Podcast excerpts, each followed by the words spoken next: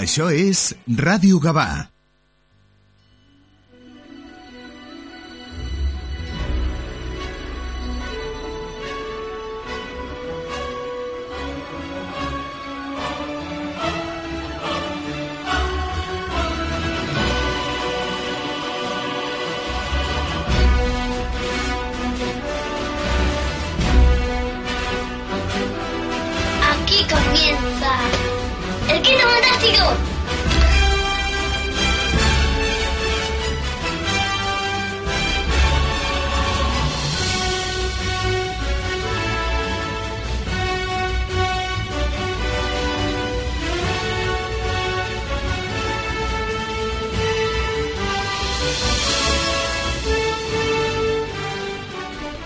de la mañana y un minuto. Muy buenos días y bienvenidos a una nueva edición del Quinto Fantástico, episodio 12 de la novena temporada.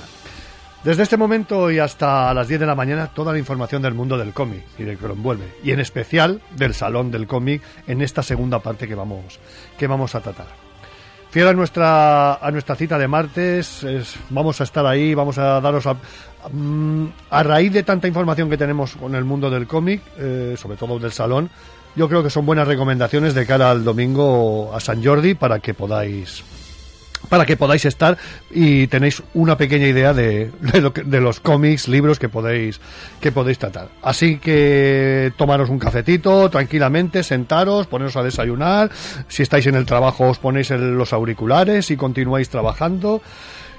Y cómo no, dar, saludar y dar la bienvenida a la que ha dejado atrás a todos subiendo el pez. Doña Maite, muy buenos días.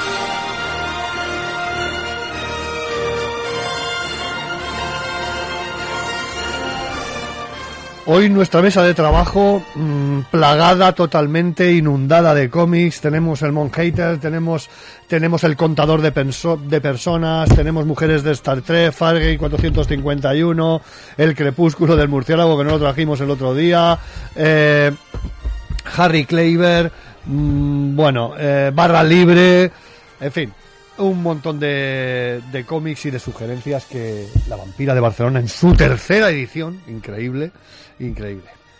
Así que os voy a hacer, un poco del menú de, de esta mañana, de lo que vamos a atender. Sobre todo, mira, para empezar tendremos a, Carlos, Roberto y Luis X Karma la Vida. Es una visita obligada a, a- en el salón a ese stand que está lleno de alegría, que está lleno de cómics, que está lleno de que está lleno de buen rollo y de, y de buen humor y de muchas cosas que tenemos que aprender a la hora de, de hacer cómics y sobre todo de distribuirlos y de enseñarlos. Eh, después también hablaremos con, como no, amigos del programa, Miguel Ángel Parra, Alejandro González, tercera edición de La Vampira de Barcelona. También sus nuevos proyectos. Estuvimos hablando un poquito de, de La Sombra Roja, en fin, y bueno, cositas que tiene en la cabeza Miguel Ángel para, para, para seguir editando.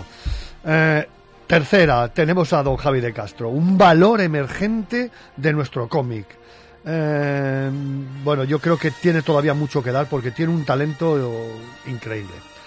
Cuarta, toda, to- toda, un- toda una, una institución en nuestro cómic, Víctor Santos. Mm, Hablar de Víctor Santos a veces se me hace, se me hace, creo que no soy objetivo porque es que soy un fanático de, de, de sus obras, ¿no? Me pasa un poquito como, como con Jaime Martín.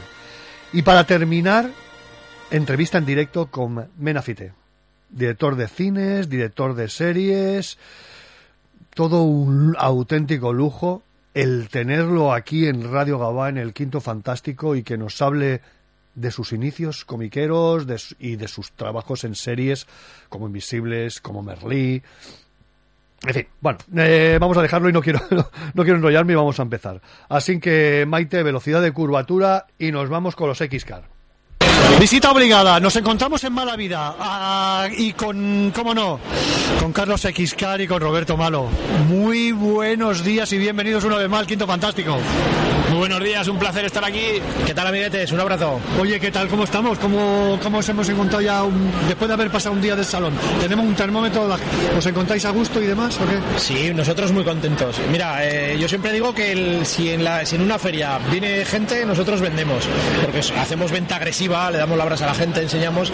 Y luego también tenemos una intención de hacer un TVO popular para todo tipo de públicos. Siempre, siempre hay algo para alguien, hasta para gente que no le gustan los TVOs, tenemos algo. Entonces, si viene gente, les, les liamos, le liamos. Yo siempre digo que aquí se puede se venir en plan familiar porque Sí. encuentras tebeos para todos. Tebeos, cómic, novela gráfica. Tenemos una colección especial para los niños que se llama Papa Frita, que tenemos TV infantil, pero es que luego igual tenemos TVOs eh, más rollo thriller, como El Contador de Personas, que es un TV adulto con, con vueltas de tuerca, con un género así un poco negro, o TVOs de terror, como Tajubo, historias de amor, como Veo por ti, TVOs de cocina, eh, como los de Estoy hecho un cocinicas, o sea, que te gusta, TVOs solo parodias de humor, como los que hace Calitos de Super Gómez y los Avers, que vamos, que, que es que ya tienes que ser un desgraciado y una mierda persona para que no te apetezca leerte nada de lo que tenemos, que es maravilloso.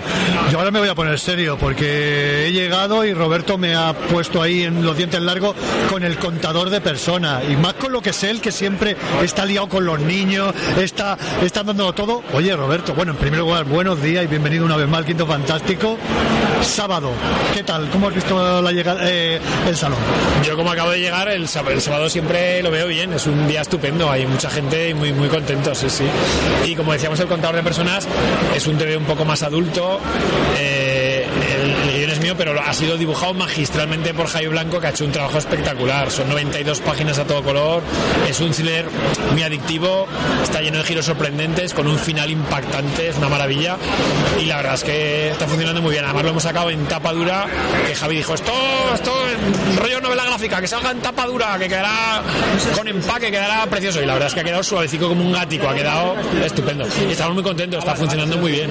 Yo tocándolo y me quedaba así un poco parado, digo, hostia, digo, digo, esta historia, esta historia mola mogollón, ¿nos puedes desvelar un poquito de decir eh, ese argumento para que para ver? Eh, claro, el personaje es un contador de personas, una persona que cuenta las personas que entran al cine. Y paralelamente eh, vemos un poco lo que le pasa en su apartamento una semana antes al, al suceso. Entonces son, digamos, son dos planos temporales, dos líneas temporales que al final convergen. ¿no? Entonces vamos, digamos que se va graduando la información, pero es, una, es un pasapáginas. Tú lo lees y una sentada es que no lo sueltas. O sea, son 92 páginas que estás en tensión y dices, madre mía, madre mía, esto cómo acaba, cómo acaba, madre. Es un bombazo, es un tebeazo. Buenísimo, buenísimo. Oye, ¿cómo está el tema de la maceta de, que vino del espacio? Tenemos, eh, ahí eh, va siguiendo, se van haciendo todavía más cositas. Sí, mira, eh, yo ahora tengo en imprenta, que no nos ha llegado para el Salón del Cómic, pero lo sacaremos para el Día del Libro, que en Zaragoza es una feria importantísima, yo creo que el mejor día del año. Eh, el siguiente de Paco Mico, el Cientisimio, que es el personaje con el que más estoy trabajando ahora de cara a los TVOs de chavales. Y se va a llamar eh, Monstruos, Neveras y Peluquines, porque es un TV en el que salen monstruos, salen neveras y, ojo spoiler, salen peluquines. Es otra aventura más de este personaje que a mí me hace mucha gracia porque es un mono eh, muy inteligente que es investigador, que es científico, aventurero, tiene unos ayudantes, Susana conoce más que leer y Bartolo conoce más que comer, que me da pie para, para inventarme cualquier chorrada. Y yo me lo paso muy bien, a los chavales les gusta mucho. De hecho, este fin de semana, una cosa que está guay cuando llevas una serie con, con un poquito de tiempo, que recibes el feedback, ¿no? Ya te vienen los chavales, ¡oh, es que me encantó este te veo! Ahora me han venido una- un chaval que lo traía de casa para contarme que lo, se lo dejó a todos los niños de, que van con el autobús juntos al cole. Que había un niño que se había leído 15 veces, que el otro que no sé qué, que no sé cuántas. Claro, muy contento, muy, muy, muy, muy contento. Oye, habías comentado en Facebook que tenías tres novedades. ¿Puedes comentar las otras dos? O no? Cuatro, cuatro. ¿Cuatro? Este mes de abril saco cuatro. Pues mira, saco el TVO este que te digo, Monstruos Neveras y Peluquines, que este lo sacamos nosotros, eh, Malavida Editorial Cornoque. Luego he hecho un cómic eh, sobre la edad, eh, sobre Antigua Roma, con la editorial Parramón, que es de aquí de Barcelona, que sale ya, en teoría, eh, y es un cómic sobre los avances de la ingeniería romana, pero contado con humor y de manera didáctica para los chavales, ¿vale? Te habla de cómo construir las carreteras, está muy guapo, es un trabajo que me, me lo pasa muy bien y he aprendido mucho. Luego he hecho también una cosa para un pueblecito de Zaragoza que se llama El Frasno, que vieron mis tebeos de cocina y allí tienen denominación de origen de, de cerezas. Y dijeron, oye, ¿no podríamos hacer algo parecido? Entonces les he hecho un cómic con recetas de cocina solo usando cerezas. Y eso lo van a regalar en el pueblo y en los, en locales donde se venda las fruterías y tal que se venda esto. Vamos, más, más popular imposible. Y ya para terminar, que en Zaragoza el 23 de abril, el Día de Aragón y el Día del Libro, es una feria muy importante y siempre se hace algo especial. Pues me han llamado del gobierno de Aragón para publicar uno de los libros que he hecho sobre historia de Reyes de Aragón, un bonito el de Alfonso I, que lo van a publicar en aragonés y lo van a dar con, con el periódico de Aragón esos días. O sea que va a tener una distribución tremenda y va, va a ir a todos lados. O sea que de momento este mes saco cuatro cosas. Joder, espectacular. Roberto, esto, esto es un no parar. Oye, aparte del contador de cosas, ¿tenemos alguna cosita por ahí pendiente o qué? Para de sacar. Mía, para. Bueno, a nosotros en, Zaragoza, claro, para el día 23 de abril, para San Jorge siempre nos, las editoriales nos piden novedades. Yo sacaré dos novedades, pero claro, no son de, no son de TVOs. Voy a sacar un libro de columnas, el tercero que se llama Malas Ideas. Tras el éxito de malas firmas y mala temporada, llegan malas ideas. El cuarto se llamará Ante tu educación, ya dejaré el apellido. Muy bien, muy bien. ¿Eh?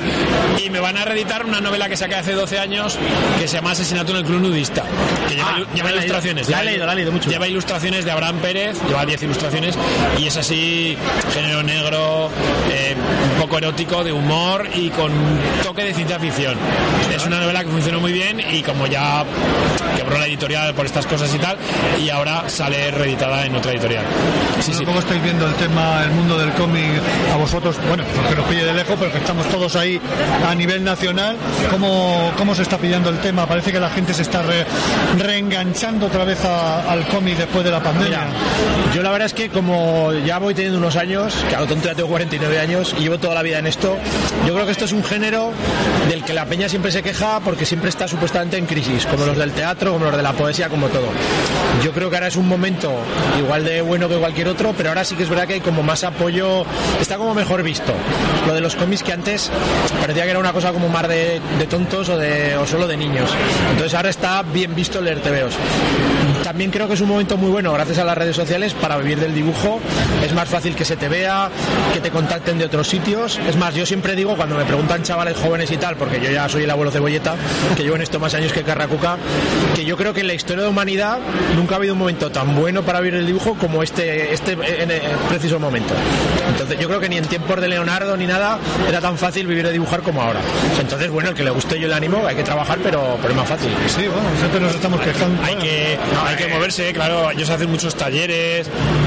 muchas animaciones, muchas historias, claro. O sea, mucho publicidad, diseño, o sea, de todo, de cartelería. Pero eh, igual que yo puedo decir que los caminos de la animación son infinitos a nivel de cuentacuentos, de rutas, de talleres, pues yo creo que en la ilustración también hay muchos campos. Entonces se puede vivir, se puede vivir del dibujo, se puede vivir del, del cuento. Y muy bien, claro, claro. Yo, no, no, eh, no es por regalaros los oídos, pero yo siempre, hay mucha gente, muchos chavales, chavalas que me dicen que, oye, que tengo un trabajo que lo voy a poner y tal, eh, a ver si me das un poco de bola en el, en el programa de radio. Sí, perfecto, estupendo. Ostras, ¿y qué, qué ejemplos puedo seguir? De verdad, no es por regalar los oídos, digo, nene, sigue a X Karma la vida y sigue a Roberto Malo. Digo, es el ejemplo, están en todos los sitios, van a las escuelas, montan talleres, montan... eh, sobre, eso. sobre eso también te puedo decir que una cosa que está muy guay es asociarte. Júntate con gente con la que más o menos compartas la idea, trabaja todos juntos, ayúdate unos a otros, es más fácil y más divertido. El modelo que llevamos nosotros en Mala Vida, yo creo que es un modelo perfecto. Funcionamos muy bien, no hay una figura de un editor que se quede los beneficios, sino que el 50% del precio de portada va para los autores, que eso no lo da ninguna editorial del mundo, solo hacemos nosotros, pero a cambio trabajamos todos organizándolo todo. Vamos a las ferias, lo vendemos nosotros directamente, revisamos los libros entre todos, o sea, es un trabajo que compensa, compensa hacerlo así. sí. Sembrar para recoger y, vi- y Sí, trabajar sí, sí. en lo que uno vive, en lo que uno le gusta, eso es fenomenal. Sí, sí, ahí se recoge, sí, sí. Así es. También está, la, también está la otra opción de trabajar descargando camiones. Allá cada uno, yo, es un país libre, a pesar de lo que dicen los nazis. Perro Sánchez no te va a obligar a elegir una cosa u otra, puedes hacer lo que quieras. Si quieres descargar camiones o hacer mudanzas, estás en tu derecho. Pues, Roberto, Carlos, es un placer siempre estar a hablar con vosotros y una cita obligada aquí en el salón, en el salón para, para Mira, intercambiar. voy a decir una cosa, sabes que a veces en la radio eh, la, gente, la gente dice figuradamente al terminar un abrazo, pero como estamos en persona yo te lo voy a dar. Pues Dámelo, dámelo. Sí, señor, sí, señor. Venga, gracias, amigo. Muchísimas gracias. Oye, gracias a Placer. vosotros. Cuídate mucho. Genial.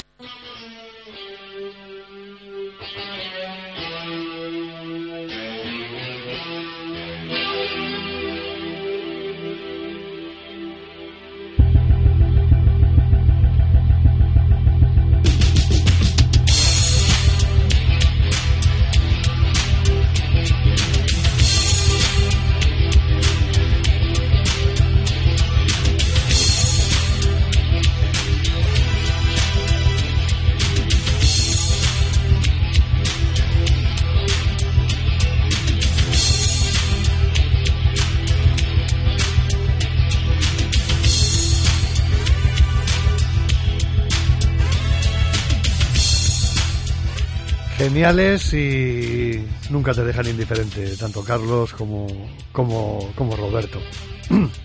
Fijaros en el análisis que hace Carlos, ¿no? De, de la situación del mundo del cómic. Es, es real como la vida misma. Siempre nos estamos quejando y después se sale, se sale siempre hacia adelante.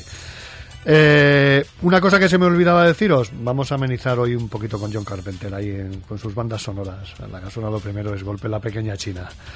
Y bueno, y, ah, y como no, James Horner. Tenemos una y una de James Horner espectacular. Bueno, pues nos vamos ahora con Javi de Castro. Javi de Castro estuvo nominado a los Seiners con The Eyes. No pudo ir. Yo creía que sí que había ido y no pudo ir. Hablándolo off the record con él y, y no pudo ir a, allí a, a Los Ángeles. Una, una auténtica pena. Pero bueno, eh, lo bueno es que está, eh, sigue trabajando este trabajo de Villanueva que nos ha dado la vuelta totalmente a, todo un mundo, a esta situación, a esta aldea de León que él nos retrata perfectamente en Villanueva. Y que bueno, que no te deja indiferente. Y darle la gracia porque tuvimos ahí un pequeño problema técnico y menos mal que estaba él allí y bueno, y conocía un poco cómo va la tablet con el tema de- del guion para tenerlo allí. Bueno, nos lo sacó, nos sacó del apuro. Y ahora con vosotros, cómo no, Javi de Castro. Bueno, pues nos encontramos el sábado a la tarde, que estamos aquí en la zona de prensa, después de haber tenido unos problemitas técnicos, que menos mal que Javi de Castro es un poco manitas y se ve que su novia también tiene un iPad, porque no teníamos manera de entrar. Hemos conseguido entrar y para preparar la entrevista con, con él. Don Javi de Castro, muy buenas tardes y bienvenido una vez más al quinto fantástico de Radio Gabá. Buenas tardes y encantado de estar aquí otra vez y muchas gracias por invitarme. Oye, ¿qué tal? ¿Cómo estás, tío? Bueno, te veo ahí a tope estos Muy dos bien, días. muy bien, sí, sí. ¿Sí? Sí, sí, encantado de estar aquí, sí. Barcelona es una plaza jugosa. Sí, sí, sí, la verdad es que sí. Oye, ¿cómo, cómo ha ido cómo ha ido la pandemia? Eh, ¿Has dejado has dejado cositas guardadas? Porque yo creo que habéis tenido bastante tiempo ahí para pensar, para escribir y tal, ¿no? Bueno, eh, yo precisamente muchos proyectos surgieron eh, justo en medio de la pandemia y, en ese sentido, pero bueno, al final han ido ya saliendo todo y, ya no queda nada de, aquello y, simplemente es el, cauce que es de, de cualquier año. Oye, nos conocimos con The Ice, ahí en una aventura eh, digital, a través de internet. Bueno, y después, bueno, te llevarías una sorpresa impresionante cuando, cuando tu trabajo como Ice está nominado para los Eisner. Sí, sí, fue una cosa muy chula porque además, claro, yo lo hice un poco como una apuesta personal, simplemente era algo que quería hacer yo, quería también para mostrar mi trabajo a gente que no lo conocía de una forma, bueno, gratuita, en internet, poder experimentar con, con la red y con los medios digitales. Y, y claro, me ha dado muchas cosas buenas que, que uno no esperaba. Y una ha sido precisamente la nominación a Leisner en eso en 2020 y fue una pasada. Y, claro además en, claro, allí en Estados Unidos pues mucha gente me ha conocido pero sobre todo en España eh, ha sido un boom ¿no? el, hecho de estar nominado. Normalmente cualquier autor español que esté nominado ahí es como una alegría tremenda. Y te posiciona mucho y la verdad es que muy bien muy contento. ¿piensas hacer algo bueno ya hablamos en su día precisamente en la entrevista y tal.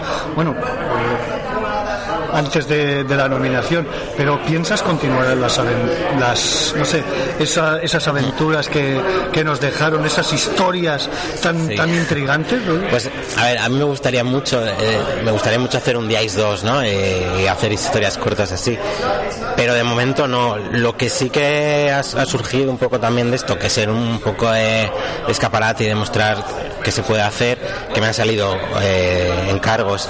Y precisamente estoy trabajando ahora mismo en uno que es para el gobierno de Asturias, para hacer es un tema, es un cómic histórico realmente, pero al final me lo he llevado a mi terreno, van a ser varias historias cortas relacionadas con el, con el hecho y, saldrá ya este año, saldrá en mayo seguramente, entonces se irán colgando en una web eh, que se ha hecho es proceso y, y bueno, al final es, es, muy el estilo de Ice, ¿no? Son historias cortas con pequeñas animaciones, con pequeños juegos que, que van a que van a aprovechar el medio y, bueno, lo he llevado a mi terreno y muy contento de poder, pues, hacer algo así. Esto, estas historias, sobre todo, a ver, cómics históricos y tal, bueno, no sé si lo saben, Cascaborra Ediciones está haciendo sí, sí, sí. una réplica, yo creo que a lo mejor igual estaría para publicarlo en papel. Yo, no sé. en principio no vas a ir en papel porque no puedes ir en papel, vas, o sea que sí que van a hacer una pequeña edición para la, la prensa de allí pero pero sí y, es verdad que, claro al final como me lo lleva a mi terreno al,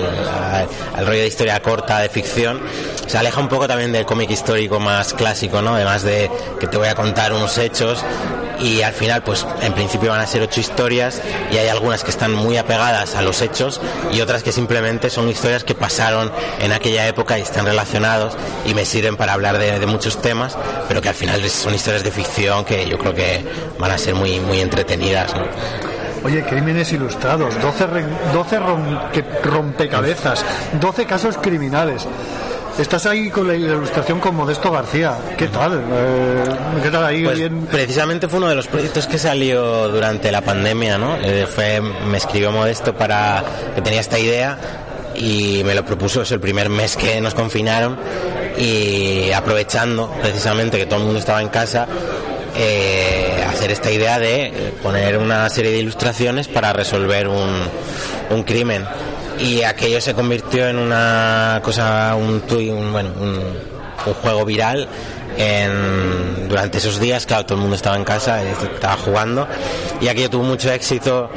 Hicimos varios, luego nos llamaron de marcas para hacer versiones promocionadas y poco a poco pues se ha ido convirtiendo en un proyecto consolidado que se convirtió en un libro y em, que vendió muy bien. Hicimos un segundo libro también más recientemente y la es que genial, es un proyecto muy bonito, muy chulo y...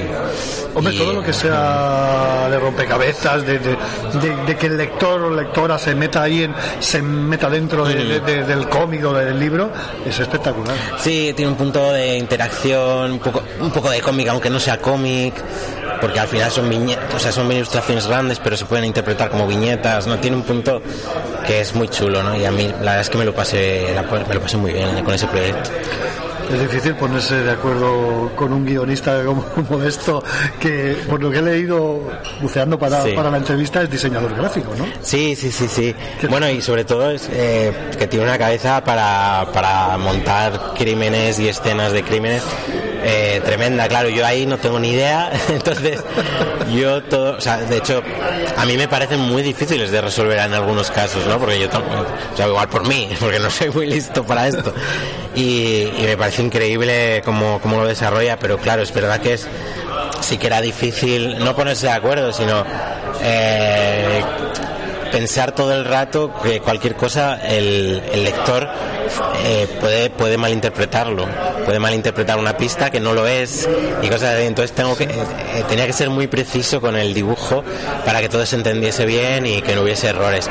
Y en algunos casos pues tocaba redibujar cosas porque nos dábamos cuenta de que algo podía ser eh, confundido, puede ser confuso y cosas así. Entonces, en ese sentido, claro, ese, sí, sí. Pero bueno, este yo Modesto lo tenía súper claro y. Em, y yo, yo, yo obedecía. ¿Te, daba la solución antes de, esto? Sí, sí, sí, hay cosas que no, no, no, o sea, no sabía la resolución porque hay muchos eh, rompecabezas de resolver pues pequeños enigmas de códigos ¿no? y cosas así que, que, yo no sabía cómo se resolvían, pero yo, claro, yo tenía que saber quién era el asesino, qué había hecho, qué había pasado y eso más o menos sí que lo tenía, lo tenía claro. Eres un especialista en redes ahí, te, te, manejas bien, ¿no?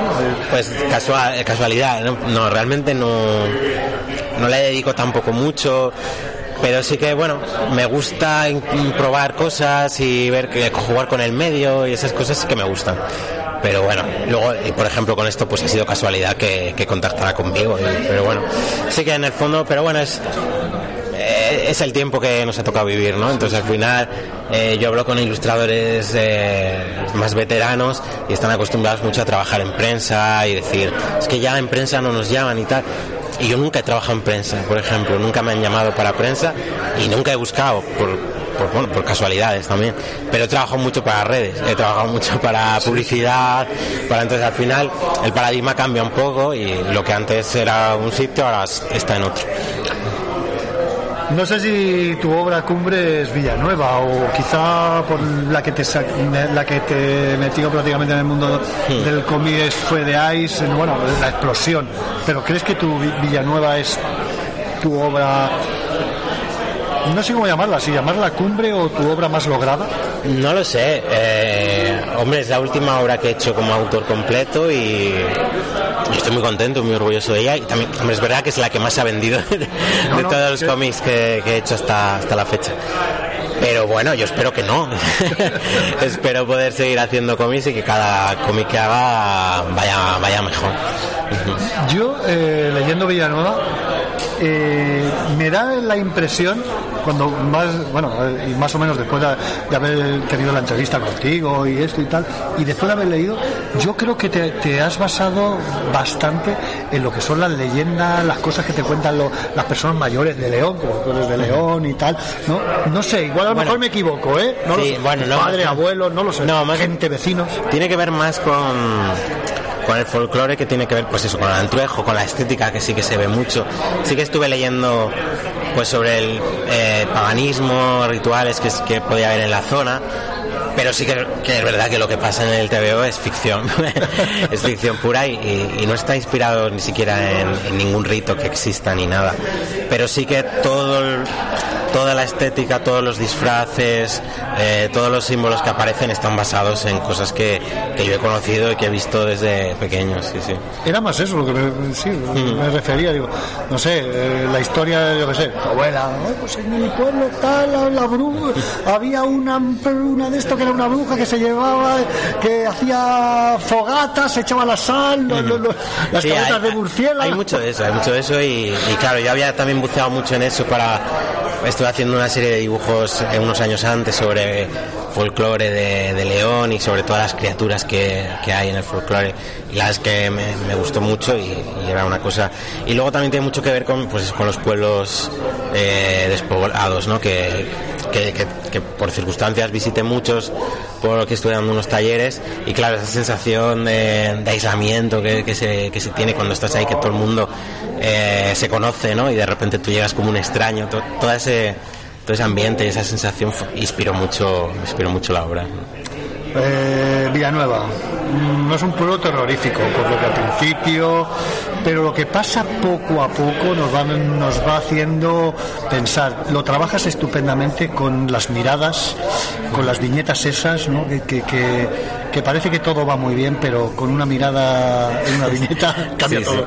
Sí. claro, o mi idea además con, esa, con ese cómic era que todo te fuera pareciendo muy turbio, que, que, esa, esa incomodidad sin llegar a ningún momento a dar ningún susto, ni, ni a poner ninguna imagen grotesca, ni nada, sino simplemente las relaciones sociales que hay en ese pueblo, ¿no? que, que, estés un, incómodo ¿no? con todo lo que está pasando y que sospeches que ahí están pasando, está pasando algo malo. Bueno, eh, yo creo que también hay un poco entra la imaginación del lector. Es importante que, que, que al lector le des esa, esa opción de te presente una viñeta así y tú imagínate lo que tú creas conveniente, lo que puede pasar. Sí, claro. Es que precisamente, ¿no? El cómic, como en el cómic te lo muestro todo, no, no, hay, no hay opción a, a, a que te asustes o a pegarte un susto o a, o a, o mostrarte algo que sea muy explícito, igual es tan explícito que, que te da igual.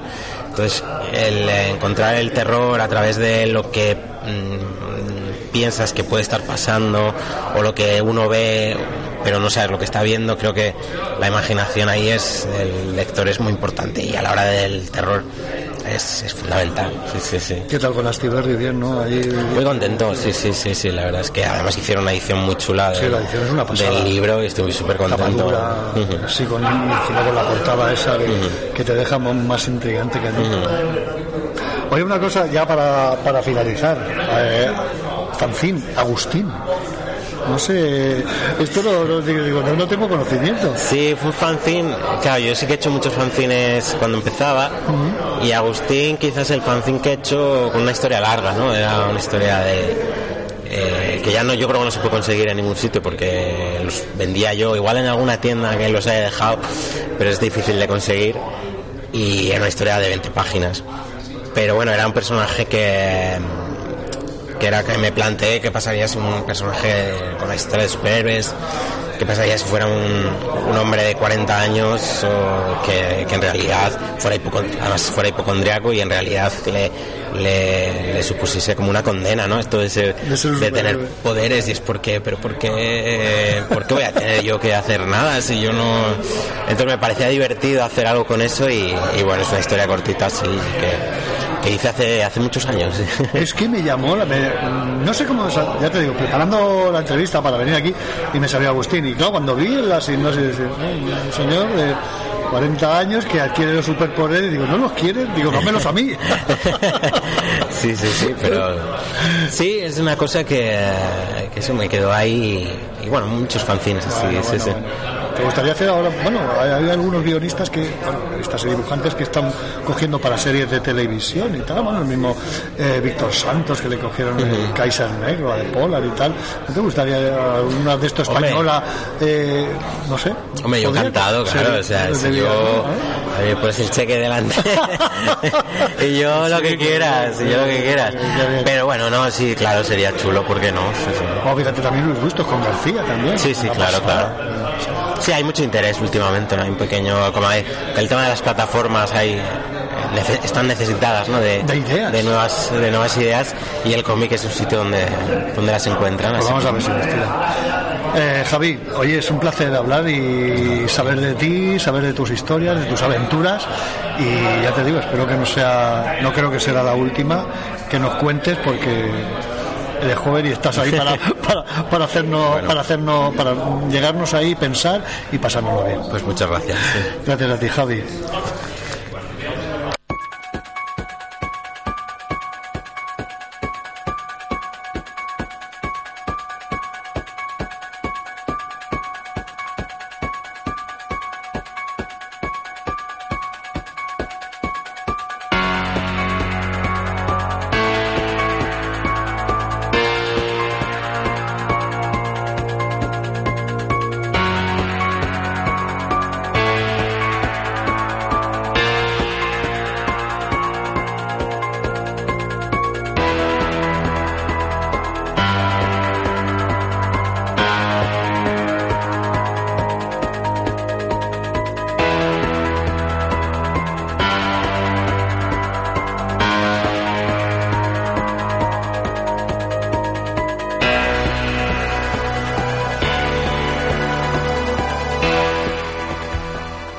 Eh, hablar con Javi de Castro es un, es un lujazo, es un lujazo, es un tío, vamos, que te lo da todo y muy, muy agradable. La obra de Villanueva, muy a lo Midsommar, así que estamos hablando ahora de actualidad, Midsommar, de Witch, historia de la España vaciada, ¿cómo no? Y sobre todo que te da que pensar, como fijaros que lo que hemos estado, lo que estábamos hablando con él, ¿no? Que cada viñeta pues te da y te da ese, ese plus, ese punto de que de que el lector lectora pues tiene que tiene que imaginarse un poco. Eso es, bueno que te haga trabajar. El misterio la intriga van subiendo cada vez que con el paso sobre todo de las páginas no la narrativa de Javi de Castro es soberbia es soberbia. Eh, vamos eh, a mí me encanta como como nos cuenta ya me maravilló con The Ice os- lo- vamos no me extraña que estuviera nominada en en los Eisner y, y sobre todo da ese plus a los protagonistas muy muy en especial sobre todo a Carmen. Este si la conseguís pues estar atentos estar atentos estar atentos ahí vaya. Y bueno pues nos vamos ahora nos vamos a ir con con dos grandes amigos de del programa como no Miguel Ángel Miguel Ángel Parra y, y Jandro González. Eh, todavía están ahí. Fijaros que Miguel Ángel Miguel Ángel Parra tiene sobre todo para este para este San Jordi eh, Mujeres de Star Trek. Obra recomendabilísima. Aunque no seas Trekkie.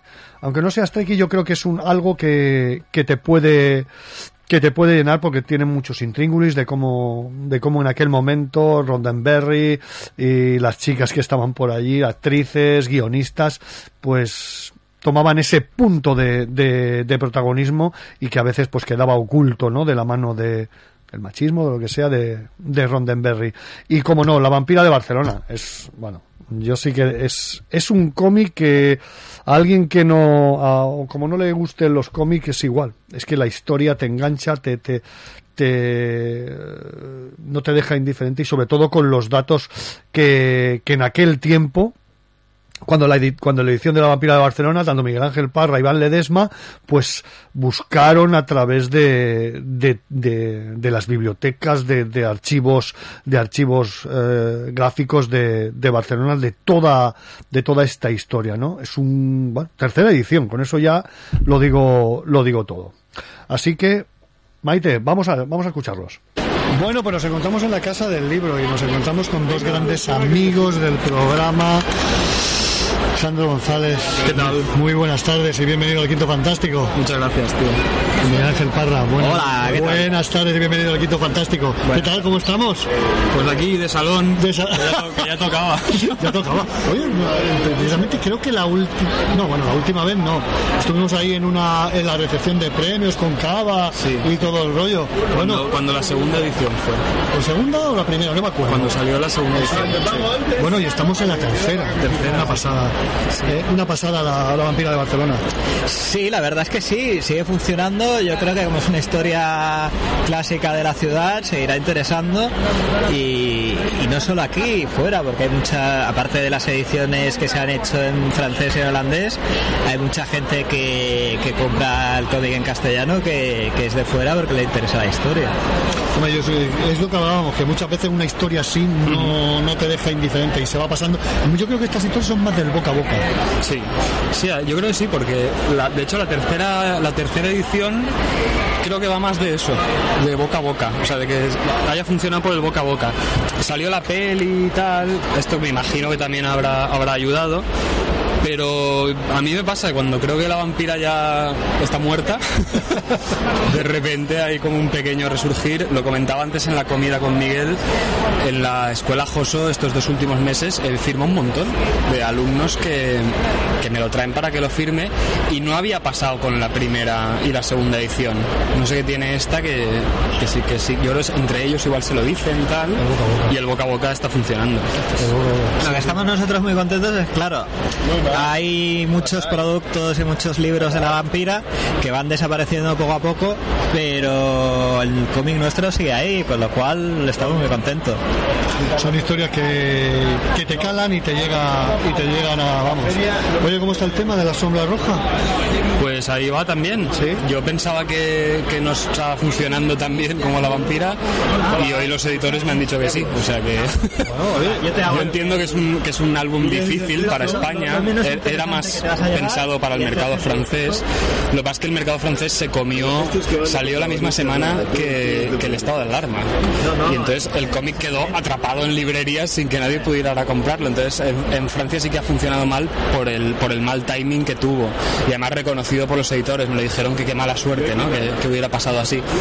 Pero por lo menos en España eh, yo he podido hacer gira, he podido ir a firmar y parece que, que venderse se está vendiendo. No he visto report de ventas aún, pero Bueno, bueno, eh, me fío de lo que, de lo que ellos me están No, diciendo. Precisamente creo que la entrevista contigo la hicimos online a través fue Radio Gaba, mi casa y tu casa. Exacto. Y, Fue- y creo que hablamos de los artbooks incluso, ¿verdad? Sí, es verdad que Estuvimos con lo de los artbooks. Sí, sí, eh, sí, lo, lo habías comentado, que, que creo que lo editabas en aquel momento también.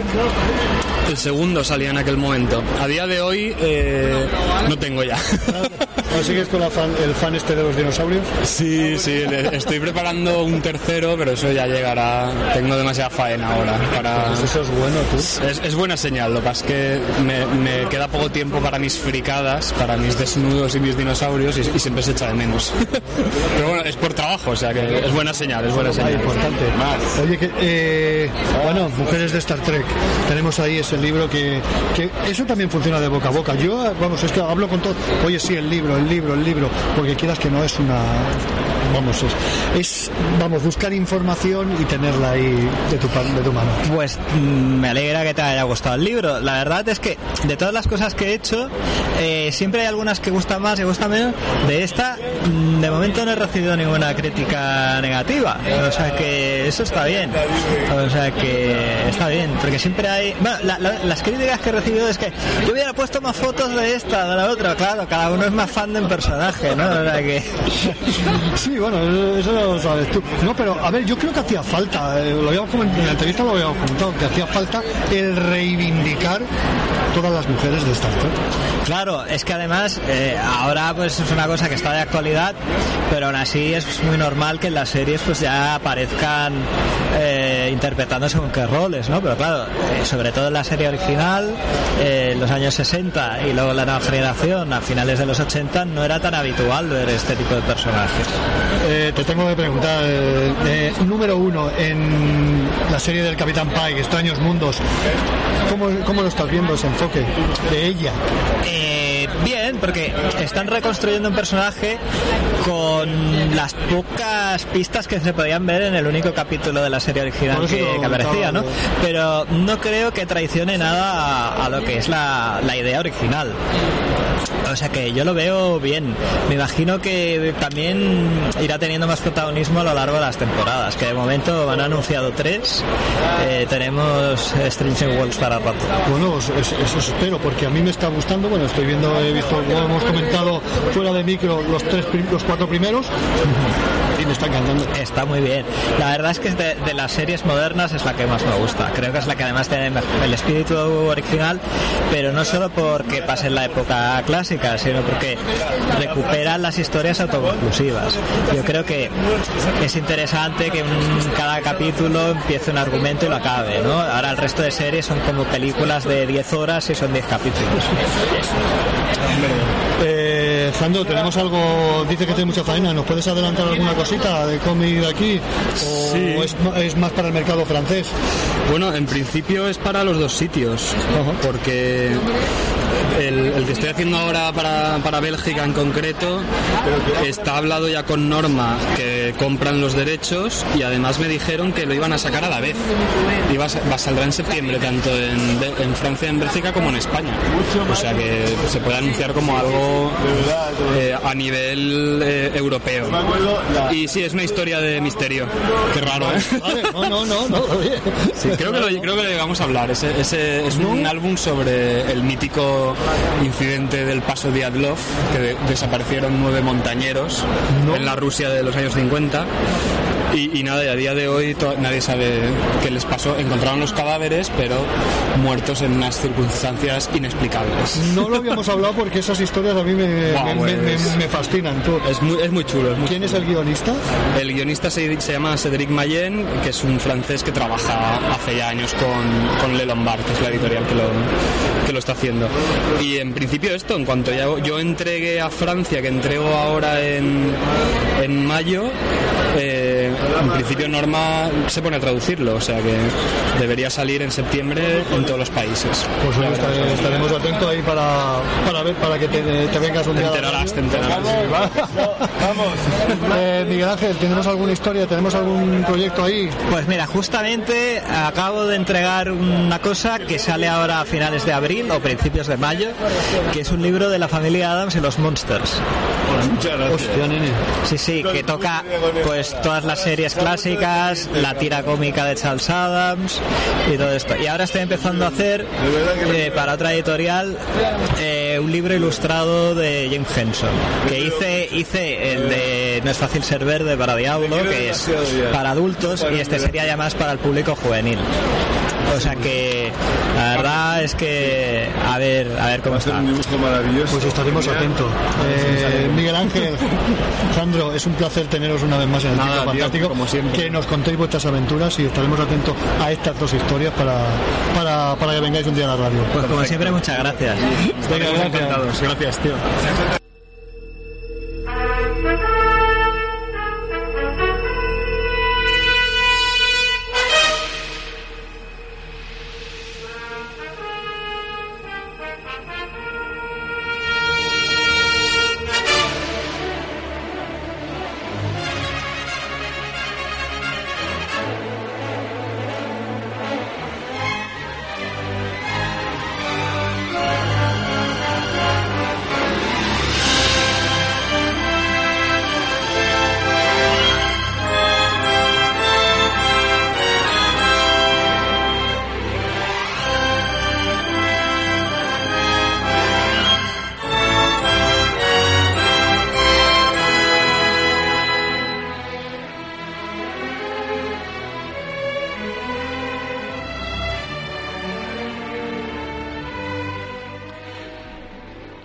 Eh, perdonad que lo diga, pero es que Jane Horner hizo algo maravilloso para, para la ira de Khan Star Trek 2. Y no me canso de escucharla. Bueno, eh, La vampira de Barcelona. Eh, leyenda tenebrosa, inexacta de niños desaparecidos, eh, hallazgos de niñas desaparecidas, bueno, misterios de Barcelona, la secuestradora de niños, la roba niños, huid que viene ella. Bueno, eh, relato sobre todo desarrollado en mil, es más o menos prácticamente por el 1912, una Barcelona oscura y tenebrosa que había por aquel entonces, ¿no? Eh, relato que no os dejará indiferente. La sombra roja, mm, como bien dice Jandro, eh, quedó un poco ahí paralizada con la pandemia. Yo también, sobre todo a los que os gusten relatos eh, de políticos, creo que, que es bastante interesante este, este, este relato. Y bueno, ya lo que nos espera para septiembre, eh, no sé qué, no, no recuerdo ahora qué título le pondrán, pero esta historia de los 50 montañeros desaparecidos, que nada más que aparecieron los, los cadáveres después, bueno, uf, yo creo que va a ser uno de los primeros, de los primeros programas de cara, de cara a la próxima temporada. Tendremos ahí a Jandro que nos cuente esta historia porque es realmente de ponerte los pelos de, de punta. Y bueno, como no, el libro que, de la familia Adams de Miguel Ángel, todo lo que hace Miguel Ángel lo hace con una prosa y con una documentación mm, de de 10. De 10. Bueno, ya, ya nos maravilló con Mujeres de Star Trek, con No es fácil ser verde, el universo de Jane Hendon, eh, de Jane Henson, perdón, eh, Tim Burton, simios, murciélagos, jinetes sin cabeza, bueno, todo una- un auténtico lujo. Y bueno, pues nos vamos con la siguiente entrevista. Eh, como ya os comentaba antes, eh, creo que de Víctor Santos no, no puedo ser objetivo. No puedo ser objetivo porque es que me maravillan sus, sus historias, desde Polar, ahora esta de Mon Haters.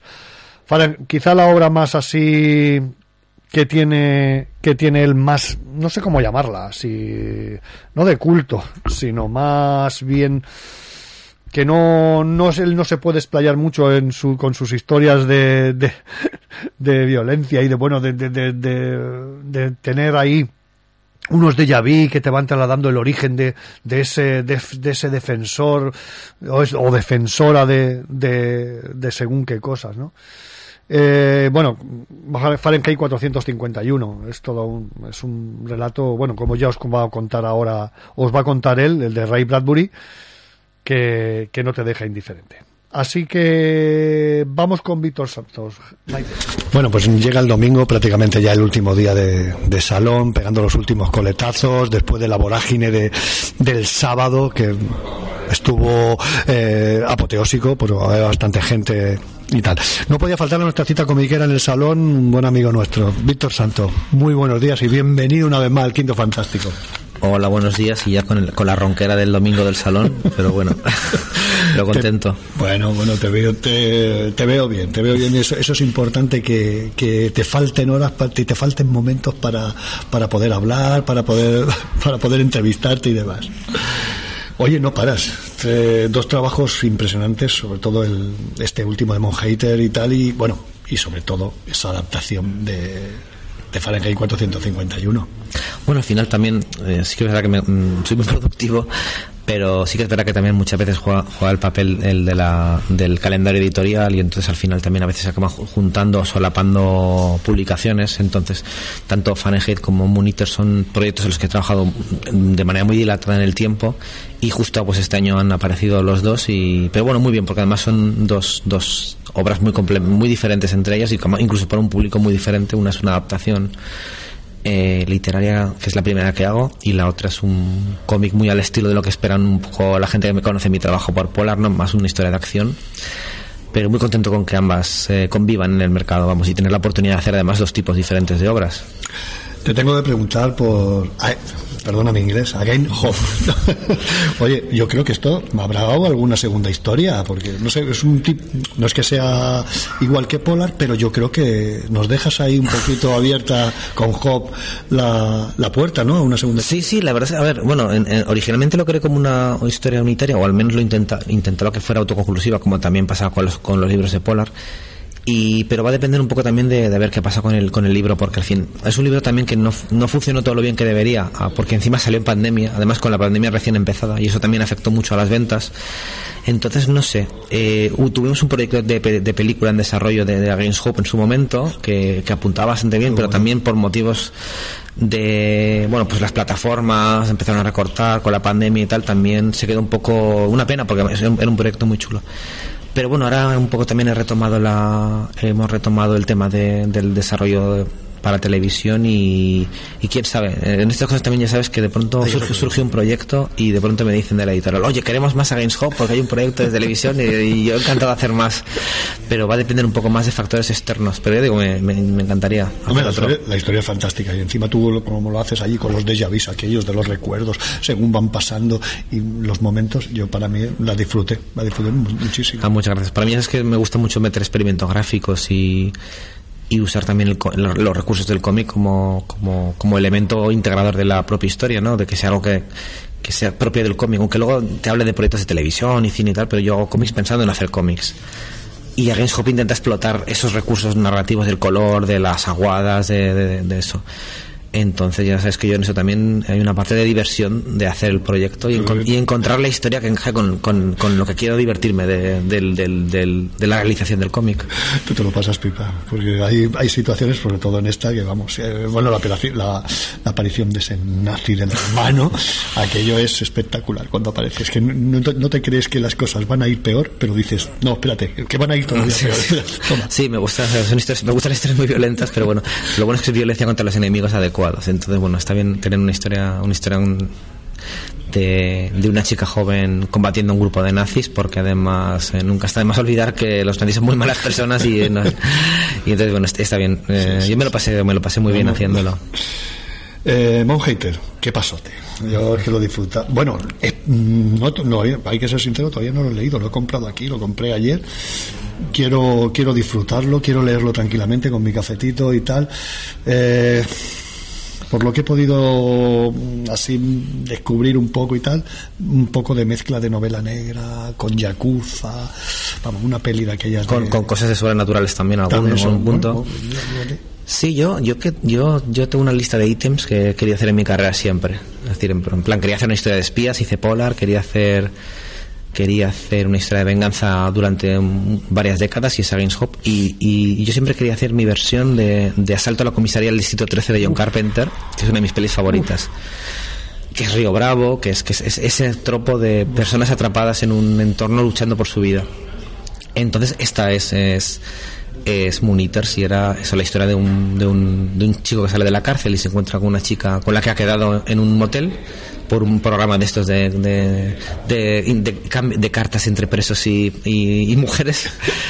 O- ahora, sería, ahora sería una cita de Tinder, pero, pero si lo hubiera hecho ahora, ahora sería una cita de Tinder. Pero de pronto se ven atrapados en una situación rodeados por una, por una secta de locos que tienen una cuenta pendiente con el, con el presidiario y es la lucha de ellos por la supervivencia y es una historia de amor también, porque es una historia de amor, pero con un montón de violencia en medio. Y ya te digo, es otro de estos proyectos en los que, en los que quería disfrutar de, del, del puro, de la pura vis- em, fuerza visual del cómic. Y un- una historia de, de- de que se lee en un suspiro que yo creo que es bueno también tener como ese tipo de como esas películas de serie B de hora y media que las disfrutas un montón y que y que vuelves a ver siempre que tienes un mal día o y que necesitas un que a lo mejor a lo mejor deberías ver obras de arte de a lo mejor deberías ver los siete samuráis pero dura tres horas y entonces no te da tiempo y dices pero me voy a ver la a la comisaría del distrito 13 que dura hora y media y me lo paso bomba me lo voy a pasar de- y era un poco la filosofía detrás de, de ese, de ese TVO Eh, echándole un vistazo al cómic por encima, lo divides el capítulo y con grandes portadas. Cada capítulo tiene una Mm. gran portada, ¿no? Eh, yo creo que nos dices, en cada portada nos dice muchísimas cosas, ¿no? Ah, gracias. En parte también es un poco eh, porque quería integrar eh, elementos del manga en, en, en esa historia. Porque aunque sea de un rollo muy occidental por los referentes que te cuento, luego yo soy de la generación que, que empezó con el manga en, en España, yo soy del 77 y empezamos en los 90 con todo el boom del manga y el manga forma parte de mi formación como autor. Entonces, toda esa potencia visual y narrativa que tiene el manga eh, lo he querido integrar en, la, en la historia. Por eso me gustaba mucho también el uso de, de los capítulos, además mm, sin una extensión predeterminada, como en el cómic americano, ¿no? que a lo mejor tienes un recopilatorio y cada capítulo en realidad es un comic book de 22 páginas. Aquí hay capítulos de 8 páginas y capítulos de 30 páginas. Y quería jugar con esa, con esa estructura del tomo de manga que también eso que tiene ese rollo de que lo devoras enseguida que la que, que la acción es muy es muy dinámica y, mezclar todos esos elementos que han formado un poco mi, mi, estilo como autor Sí, bueno, ha sido.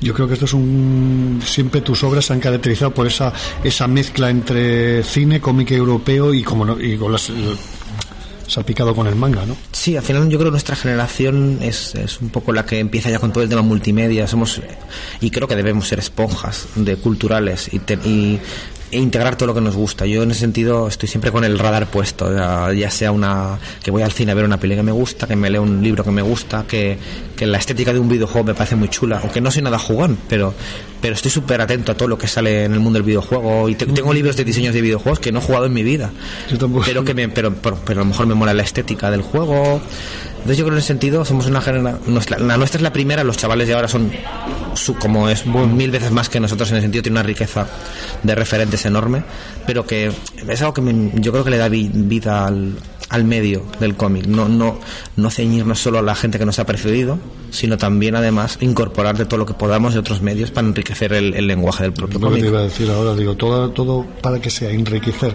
el mundo del cómic, bueno, el, el trabajo y tal, y bienvenido sea. Sí, sí, igual que otros medios como el cine han descubierto la, la riqueza visual del mundo del cómic y lo han empezado a incorporar a sus propias... a ¿Y los sus- guiones? Exacto, a los guiones, al, tema visual.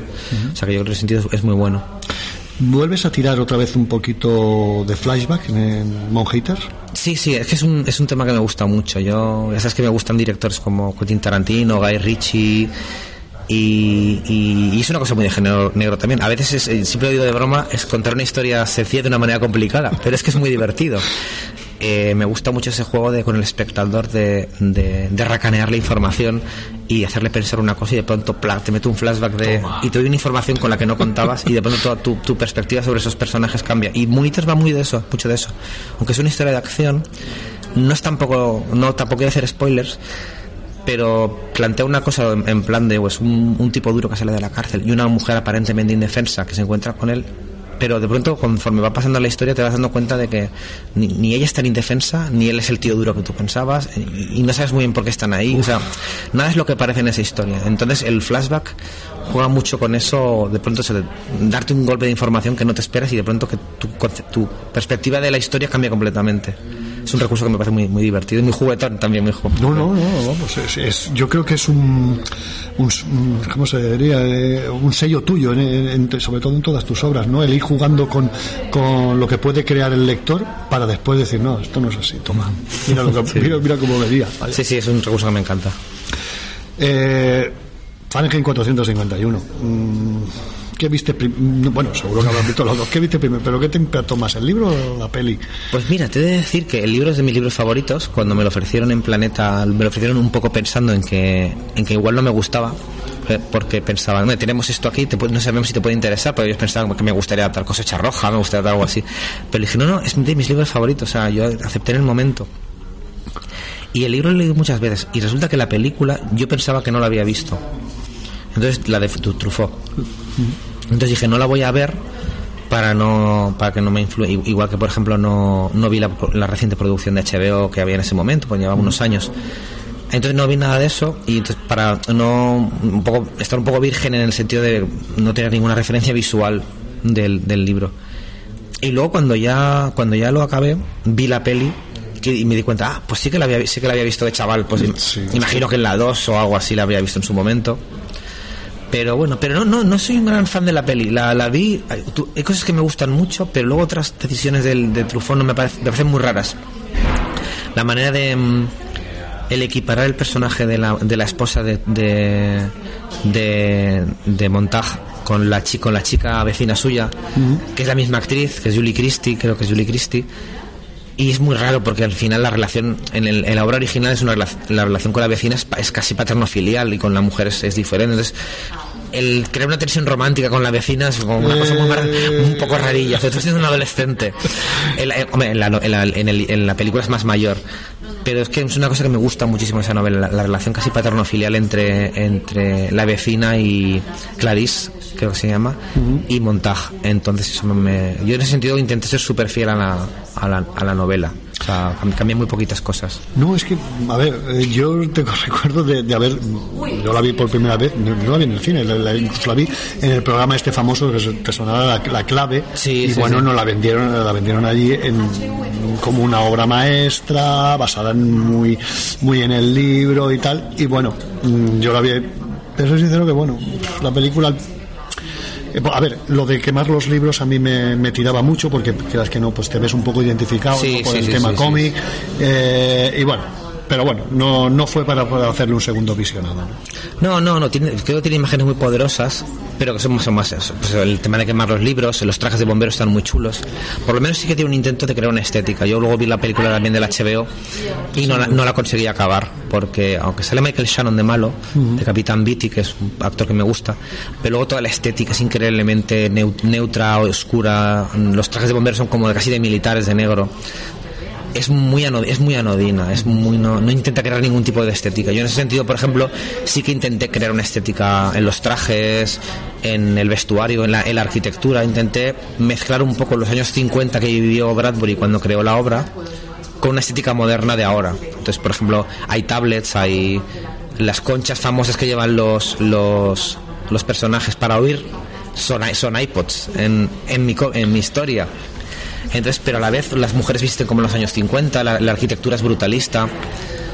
M- o sea, hay un esfuerzo por mi parte, in- intenté que tuviera una estética propia, que, que destacara en ese sentido. Eh, o sea, más que, más que intentar no hacerlo ni demasiado moderno actual, pero tampoco hacer una, una historia retro. Es lo que te iba a decir, digo, digo, es que mm, has añadido cositas tuyas. A decir, oye, yo aporto también, sé la, la obra de Bradbury está ahí, pero yo aporto también mi pequeño granito de arena a, a esta obra, que sea un poquito personal mía. Claro, es que además que lo interesante precisamente de unas adaptaciones es que es que poder dar el punto de vista moderno de, de, de la época en la que vives, no, no juzgando, como parece que es un poco la- tristemente la, la, la perspectiva de mucha gente de ahora, de no, vamos a juzgar esta obra de los 50 con la perspectiva de ahora, no juzgándola, sino precisamente contextualizando en tu, en tu época moderna. Y cuando la obra es tan buena y tan universal como Fahrenheit, funciona muy bien. Porque es que te, yo un momento dado que te está hablando sobre, sobre cómo se va simplificando el mensaje de los libros cuando ya solo queda una frase y te está hablando de las redes sociales, te está, está hablando de Twitter y eso lo puedes integrar en, la histo- en- en tu historia. Es muy interesante precisamente el, el ver que funciona de esa historia en el, en el contexto moderno y, y ya digo, sin juzgarlo, sin decir es que la obra está mal, sino precisamente incorporando las cosas buenas del mensaje que tiene esa novela en, en la situación actual.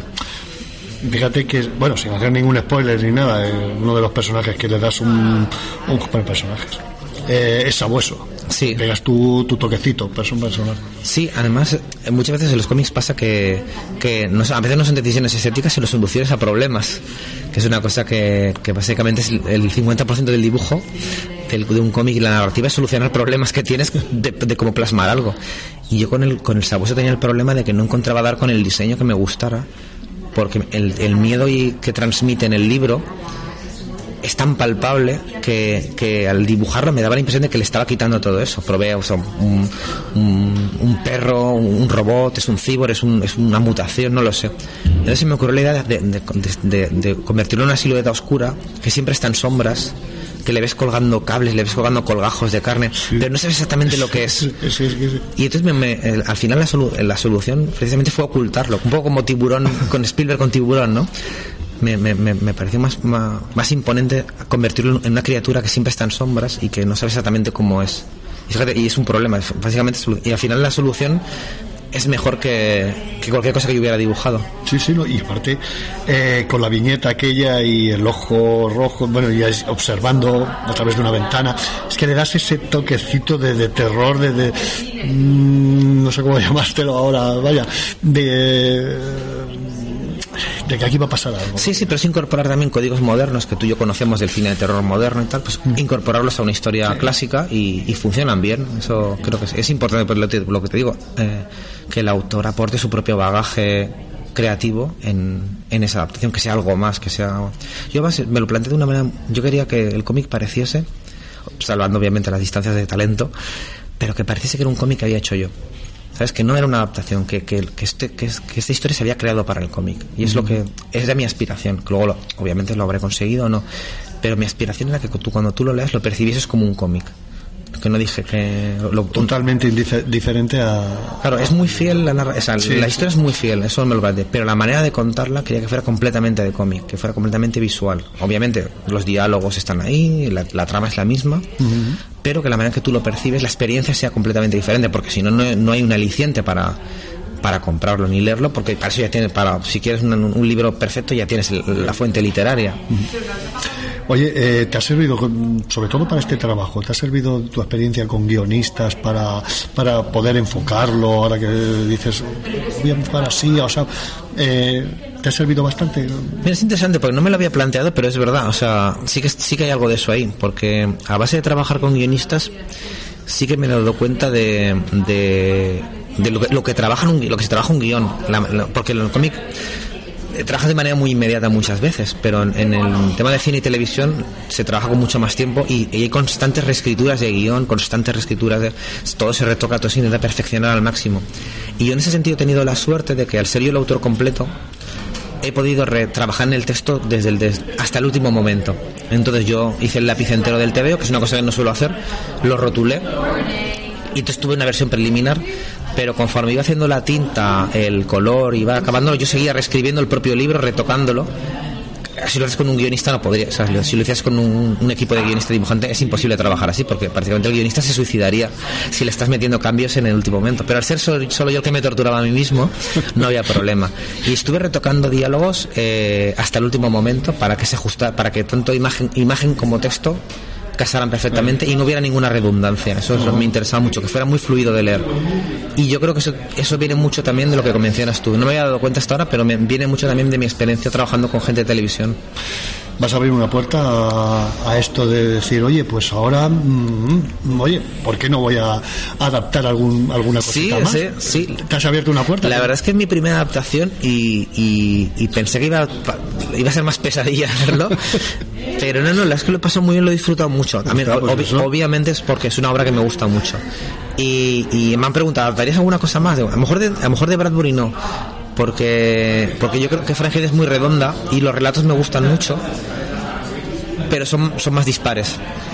Pero por ejemplo de Philip K. Dick me gustaría adaptar alguna novela. No, no, no sueño a los androides, pero, pero por ejemplo me gustaría mucho adaptar Ubik.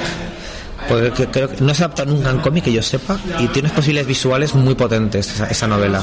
Porque es, es Matrix, es es eh, es Los Invisibles de Grant Morrison, es, es hay mucho ahí de que Que, podría- bueno, Philip K. Dick es que es un abanico tan amplio. sí, sí, sí, es decir, tiene un montón, pero Ubik, que es un poco, además una novela que yo creo es relativamente accesible, Ujú. este sería interesante de, de adaptar. Además, eso, la ciencia ficción me gusta, pero soy muy malo dibujando naves espaciales, vehículos, soy muy malo. puedes hacer a tu manera. Entonces lo bueno que tienes es que tanto Dick como Bradbury como los autores que me gustan de ciencia ficción son más de, de son más de andar por casa, digamos, no son tan técnicos, no son como Asimov, que es más es más hardcore, digamos. Más espesito. Estos son más de gente casi que son fábulas, que son cuentos, pero con un elemento tecnológico. Ese es el tipo de ciencia ficción que me gusta y mm, estaría contento de adaptar algún relato, alguna, alguna historia de algún autor de ese tipo. Planeta tiene derecho sobre las novelas de Philip K. Dick. Sí, sí, los- las publican ellos, pero ya depende mucho de la familia. En el caso de Bradbury, por ejemplo, eh, es oficial, lo hicimos con la familia. La familia, yo les mandé muestras de mi trabajo para que las aprobaran. Y, es muy fácil trabajar con ellos. Una vez tuve la aprobación de la familia Bradbury, no interfirieron en nada, me dejaron total libertad. Dick, otras, eso ya son, habría que ver quién tiene los derechos y tal. Pero en ese sentido, por ejemplo, fue muy fácil trabajar con la, con la familia Bradbury. No, no se metieron en nada. Bueno, bueno.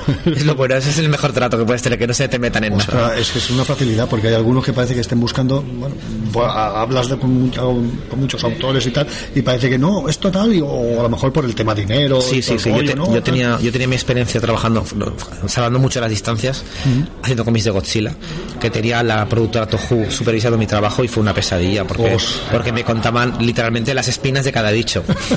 Y las crestas. Entonces, y yo me esperaba algo así. Y no, no, no, ya te digo, libertad total para hacer lo que yo quisiera. Y yo espero que lo, lo puedan leer en inglés ellos pronto y, y, y- y espero que les guste también, porque al final, bueno, es, es, es el legado de su familia y es, yo creo que será importante para Hombre, ellos. claro. Para mí sería un honor que les guste. Es que es una, bueno, es una trilogía, película, eh, bueno, el libro inicial, películas y ahora una adaptación comiquera. Yo creo que es, es genial, vaya, es genial. Eh, no sé si nos podrás decir algo. Mm, ¿Tienes alguna obrita ya en el cajón preparada para, para esto? Esto está muy reciente ahora y Sí, no, que- pero se han anunciado ya en Dark Horse eh, dos novelas gráficas que empecé prepandemia y ahora he conseguido, hemos conseguido acabar por fin.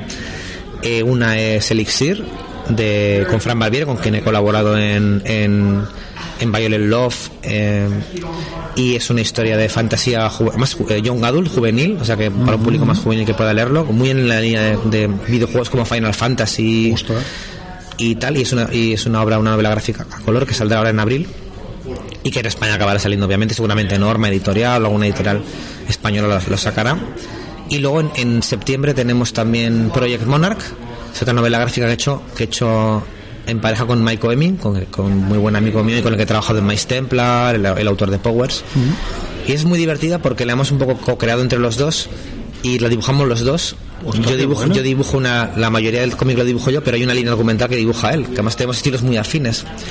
Y es una historia muy divertida, muy, muy satírica sobre el mundo de las conspiraciones en Estados Unidos. ¿eh? Entonces, tienes, tienes gobiernos en la sombra de hombres lagarto, tienes aterrizajes falsos en la luna, tienes control mental. Es súper es súper violenta, súper divertida, o sea, es una cosa muy, muy, muy loca. Y, y ese, y ahí- ahí sí que tenía un, despl- un despliegue, así como en Bradbury me he contenido, tal, en, en, en esta, en, en Monarch, es un absoluto despliegue psicodélico de drogas, violencia, colores absurdos, o sea, es muy, muy, muy divertida. Ya te emplazo, ya te emplazo cuando salga. Bueno, no sé si es- estará para el, para el salón del cómic próximo y si no para Sí, el a lo Quinto mejor para, el año que viene seguramente, Eh, pero... si no te llamamos un día y nos la cuentas esta historia porque es esto Es muy, muy, muy, es muy loca, es muy loca. A ver, cómo- a ver cómo encaja en Estados Unidos, porque también hay por ahí, la ironía a veces no encaja muy bien ahí, pero, Eh, sí, pero pero que- yo, yo creo que se darán cuenta porque digo, es, es muy, es muy loca. Bueno, ya, mm, ya para, para acabar, bueno, la última conversación que tuvimos, vamos, eh, estuvimos hablando un poco de lo mundano y de tal. ¿Cuál ha sido el último vinilo que te has comprado? Bueno, vinilo ninguno porque no, porque sabes lo que pasa que si me empiezo a comprar, mira que me tientan, ¿eh? porque además conozco muchos autores de cómic que, por ejemplo, son Phillips, al que, al que admiro muchísimo, que hace, hace portadas de vinilo, o sea, tal.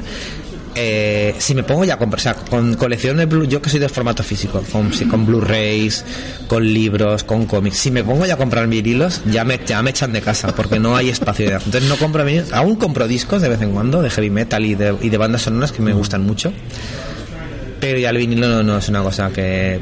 Pero si tengo que decir de música, Creo que comprado eh, un par de bandas sonoras de Cliff Martínez, eh, el, del, de, de películas del Nicolas Winding Refn, del eh, el Only God Forgives ah, y ¿cómo se llama esta, esta serie que hizo? Em, too, Too Young Too Young to Die, to die no, Too Old to Die Young, que es la serie que hizo para Netflix, y me, me compré las bandas sonoras de Cliff Martínez porque me gustan mucho y las uso para escribir, aunque yo soy un tío del, muy fan del heavy metal, no puedo guionizar con, con- no puedo guionizar con heavy metal. Mira, no sé, no recuerdo, no sé si en qué presentación te vi y te vi con la con una chaqueta. Mira, Sí, eh, la- la- la de Iron Maiden que llevo. Y una camiseta de tiburón. Ah, sí, Digo, sí. Digo, digo, bueno, completísimo. Sí, sí, sí. pero eso, pero pero el, el ahora soy muy del heavy metal, todo el tema música electrónico, synthwave, que ahora me ha aficionado mucho, lo uso para escribir. Es que la música tiene que acompañar, Sí, sí, sí. lectura lo que sea. Y además hago mucho eso de hacerme la playlist de cuando empiezo un proyecto, sobre todo yo que trabajo con muchas cosas a la, muchos proyectos a la vez, tener una playlist de música de, de, de la motivación que tienes tú para, para esa obra te ayuda enseguida a, a poner el, el estado mental que necesitas para saltar de una obra a otra. En plan de ahora, bueno, ahora estoy con esto, pues de pronto pones la música y enseguida conectas con el con la emoción del, del, de la obra en sí. No sé si habrás estado alguna vez aquí en la Estación del Norte, en la feria del disco que hace, el disco que, hacen. Bueno, el día que vayas me parece. Sí, sí, me gustaría una vez porque a veces pienso, me gusta mucho, pero Me parece este año, eh, bueno, la, la celebraron primero y ahora será el primer fin, de- el segundo fin de semana de, de mayo. Ahí te lo dejo. en Bilbao hay una similar, o sea que también está muy guay. Pues entonces no, no te he dicho nada. Oye, Víctor, es un placer hablar contigo, vernos una vez al año y, y que te vea bien, te vea disfrutando, te vea cansado. ¿Qué quieres que te diga? Pero Sí, sí. pero te tengo que decir que te vea cansado, eso es que tus obras están ahí, de que todo el mundo tiene, te da un reconocimiento en, todo lo- en todas las facetas de tus trabajos. Ah, muchas gracias. Estas cosas es verdad, cansan mucho, pero a la vez anímicamente te ponen las pilas. Sí, yo creo cuando, mira, ahora precisamente me estabas comentando que te irás al aeropuerto, tal, yo creo que te sentarás y dirás, hostia, cansado pero feliz. Estado bien, sí. Bueno, es un placer verte de nuevo. Víctor, muchísimas gracias por estar en el quinto fantástico de, de Radio Gama. Nada, y hasta la próxima. Hasta la próxima, por supuesto.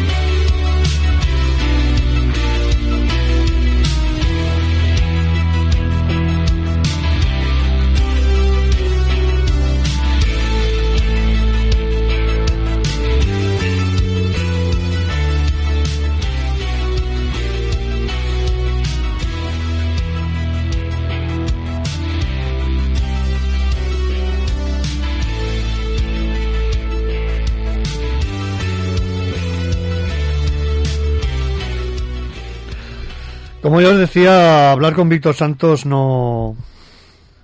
No soy objetivo, lo siento.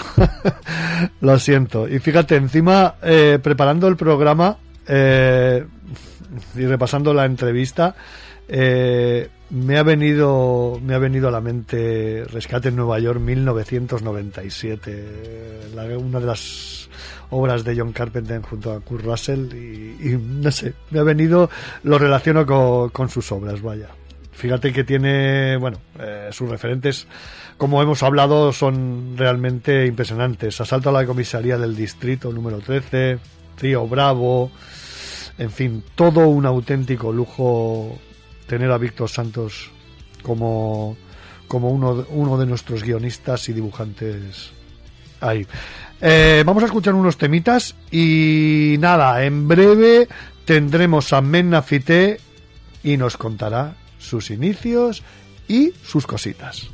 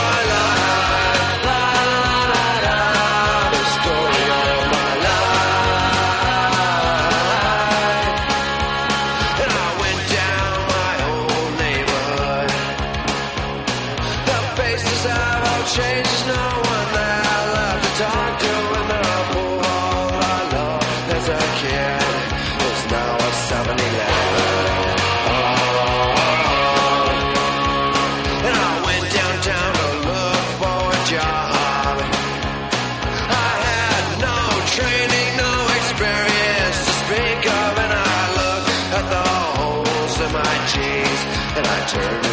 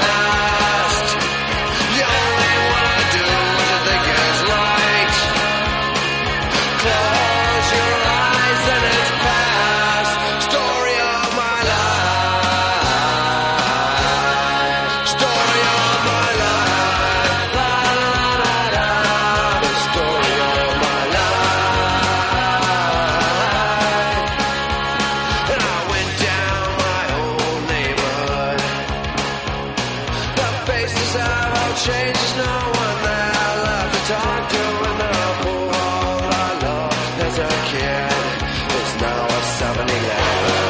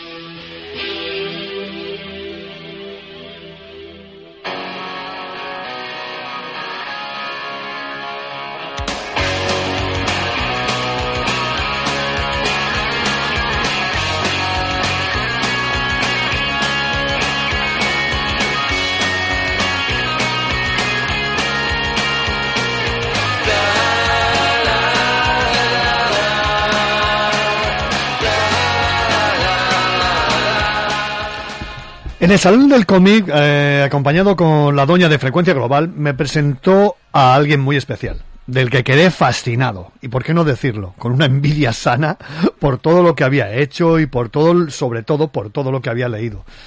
Pero lo que más me mató fueron sus orígenes, comiquero, de Forum, de Vértice, de la gran dinastía del Pato Donald y asiduo al mercado de San Antonio. No me, no me extiendo más. Elegimos nuestras mejores viandas aquí encima de la mesa, nos ponemos nuestros mejores trajes de gala para recibir a Mena Fité, director de serie.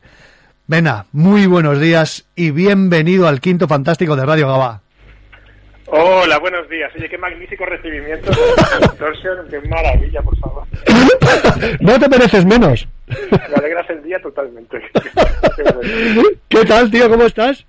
Muy bien, muy bien, eh, muy bien, muy bien, súper bien, encantado de estar Vale. aquí contigo. Oye, bueno, la pregunta del millón, ¿compraste muchas cositas en el salón del cómic o qué? Pues no estuvo mal. Fui ahí con el propósito este de, "Uh, bueno, este año no te pases, pero me pasan. Claro que me pasan. Es que es fascinante. Es que hay cada, yo tengo la sensación de que cada año salen cosas más interesantes y que cada y que la manera de, de editarlo es brutal. Las, las publicaciones como las cuidan, los maquetados, la- las ediciones son increíbles, el cuidado que se les pone. Pues estamos en un, en un país que, que está empezando a ser referencia internacional, ¿no? De, de, para, para otros sitios, para de la manera de publicar, es brutal. Sí, sí. fascinado. Tenemos algo, eh, yo creo que estamos ganando, sobre todo la publicación, que ya te llega esa tapadura, eh, eh, bueno, mm, esas portadas que te llegan, bueno, te llegan al, al alma, ¿no? Y se nos va de presupuesto. ¿A quién no lo ha pasado? Oye, ¿coleccionas muchos cómics? ¿Tienes, tienes tu comiteca es bastante amplia?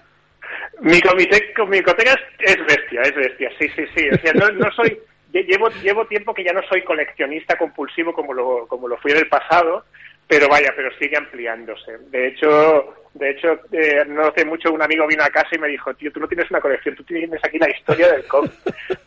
Creo que me gusta muchísimo, entonces tengo de to- tengo, tengo que representación de todo, o sea, tengo de desde los clásicos americanos, de pero más Herriman, todo esto, eh, y luego pues pues obviamente superhéroes, luego todo un montón de revistas de cómics tipo Cimo, 1964, Zona 84, todo esto y luego obviamente todo lo que se está publicando ahora de novela gráfica, algún, yo qué sé, desde Fulgencio Pimentera, todo lo que publica Astiberri, que me flipa, que es como, como garantía de calidad, la cúpula saca cosas increíbles también, todas las reediciones estas francesas que está sacando eh, Dolmen, que son increíbles, es que bueno, es que es todo, todo, todo brutal. Oye, mm, me he dado cuenta de que, bueno, te han influido muchísimos personajes, ¿no? Pero yo creo que ahora hablando, po- poniendo por ejemplo tú las grandes sagas, ¿no? De, bueno, la variedad de cómics, ¿no? Que, que tienes, me, me ha encantado. Que eres muy fan de Inferno, la saga de la patrulla y de Torgal. Sí, sí, sí, sí, sí, estoy, estoy enganchadísimo. El Zorgal es una, una colección que me la encontré en Cimo cuando, cuando publicaban Cimo, que en su día, en los 90, en los 80 de hecho, y, y nada, me, me llamaba mucho la atención, pero no entré mucho y todo, y que me gustaban muchísimo estos autores, pero Rosinski y Van, y Van Damme, ¿no es? O Ujú. Van Ham. Eh, y y la, lo que pasa es que ahora salió una edición doble, por un lado publicaba, no sé si es Norma, que publicaba recopila- recopilatorios de tres, de tres álbumes, dos o tres, y luego por otro lado, no sé si es Planeta o RBA, una de estas así de fascículos que te las envían a casa y nada, las, la, la estoy haciendo y me tiene fascinadísimo. Es que además es como, como, un, como un superhéroe europeo con, con todo el drama y toda la, la- la carga, es que es brutal, me tiene, me tiene también encantado por el, dibujo que tiene aparentemente sencillo pero pero pero muy complejo y a, y a la vez muy expresivo y narrativamente muy rico eh, junto con esta esta epicidad y el componente fantástico que, siempre se agradece en el cómic. No no, no al 100% pero no, quiero decir que tengan que tenerlo todos los cómics pero pero sí que hay hay algo ahí que, que, bueno que te toca la, la patata cuando cuando hay épica y cuando hay y cuando hay fantasía Eres muy de mutantes, ya que veo que eres de la, de la saga de Inferno, eres muy de mutantes, de patrulla, factor, en fin, cositas así de estas. Bueno, bueno, muchísimo, muchísimo. O sea, yo, bueno, vamos, te puedo explicar que yo empecé eh, leyendo cómics por, eh, por la Patrulla X, en realidad. O sea, yo empecé con, bueno, típico, Mortadelo y tal, pero Tintín, Asterix, pero cuando ya me empecé a zambullir de verdad fueron con unos tomitos de vértice. Yo, cuando era pequeñito, yo me extiendo, ¿eh? Si tú de esto... No, no, que, que, eh, por favor, ya ves que me he callado. Digo, es que quiero, quiero escucharte, es que me, me, me fascina. Sigue, sigue. Pues mira, resulta que cuando yo era pequeñito, mi abuelo tenía una, una, una tracería, que era donde acumulaban, era como el reciclaje de los años 70. Entonces, eh, allí la gente llevaba cartón, llevaba cristal, llevaba hierro, y entonces mi abuelo lo, le- lo pesaba y les daba pues unas, unas pesetillas de la época. Entonces ahí, claro, llegaba mucho papel y en esa época se consumía mucho cómic. Y en un momento dado llegó la colección casi completa de los cómics de los X-Men, de la Patrulla X, Sí. el del Vértice, que eran unos Oh. tomitos chiquititos blancos, y estaban casi todos. Entonces me los subí a casa y me los leí decenas y decenas de veces. Y aquello me, me, me atrapó mil. Y en un momento ya lo dejé, mi madre dijo, ah, esto está, está- está acumulando polvo, venga, va, venga, pues a la basura. Que- que- Oh. que vaya movimiento de mierda ahí. Qué bajón. Total. Y ahí se quedó la cosa y al cabo de unos años estaba un día por la calle y en un kiosco vi un cómic que ponía Factor X. Y en el interior no, es, no sabía yo qué era aquello, pero aquellos no eran Factor X para mí, aquello eran mi patrulla X. Y de repente vi al cíclope, al ángel, a la chica maravillosa ahí y digo, pero esto no lo entiendo, ¿por qué pone Factor X aquí en la portada? Y si los personajes son los de la patrulla X. Me compré el cómic, lo leí y para mi sorpresa resulta que es que encima la patrulla X eran otros que no estaban allí y digo, pero esto, esto me explota la cabeza, pero ¿cómo es posible? Eh, Tengo que averiguar qué es esto. Entonces empecé a indagar y ya sabes tú cómo funciona el mundo Marvel, que si quieres saber lo que pasó, acude al número 35 de Los Vengadores y si quieres saber lo que pasó, acude al 17 de Spider-Man y así la red se fue extendiendo, acabé adquiriendo todo, la patrulla X, todo, Factor X y luego ya los nuevos mutantes, ta, ta, ta, ta, ta, ta, ta, ta, ta. y así durante años y años y años yo soy súper fan de Claremont y para mí Uf, Claremont es mi educación emocional El patriarca mutante. Brutal, brutal, sí, sí, sí. O sea, yo, to- todas mis parejas han leído eh, la saga de la Patrulla X casi entera, casi de- desde los primeros, con todo eh, la, del Giant Size, de la formación de, del, del grupo internacional este, luego, yo que sé, Fénix Oscura, todo eso, hasta casi, casi la marcha de Claremont al final con, con los tres números estos de Jim Lee, tal, tal.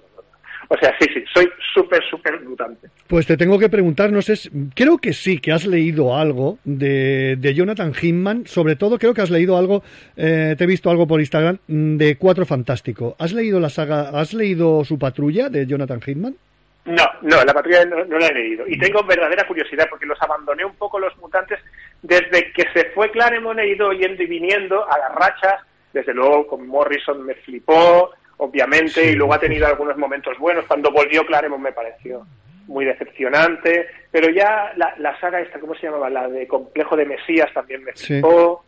Pero ya los últimos años lo, he- lo dejé mucho, porque cuando me he acercado siempre se me ha acabado cayendo de las manos. Pero sí que tengo mucha curiosidad por Hickman y cualquier día me acerco a, a la- al kiosco, bueno, al kiosco no, a la tienda de cómics, ya kioscos no existen. Qué, bonito, qué bonita frase eso de me acercaré al kiosco. A lo- a- Total, Qué bonita es como, frase. es como muy antiguo y muy romántico. Bueno, oye, mira, te- ya, te, ya te cojo. Eh, Matsumoto, creo que también ahí le tiras un poquito hasta el manga, ¿no? Con Matsumoto, con, con Kentaro Miura, creo que es un, eres un fanático de Maximum Berserker, Berserk, perdón.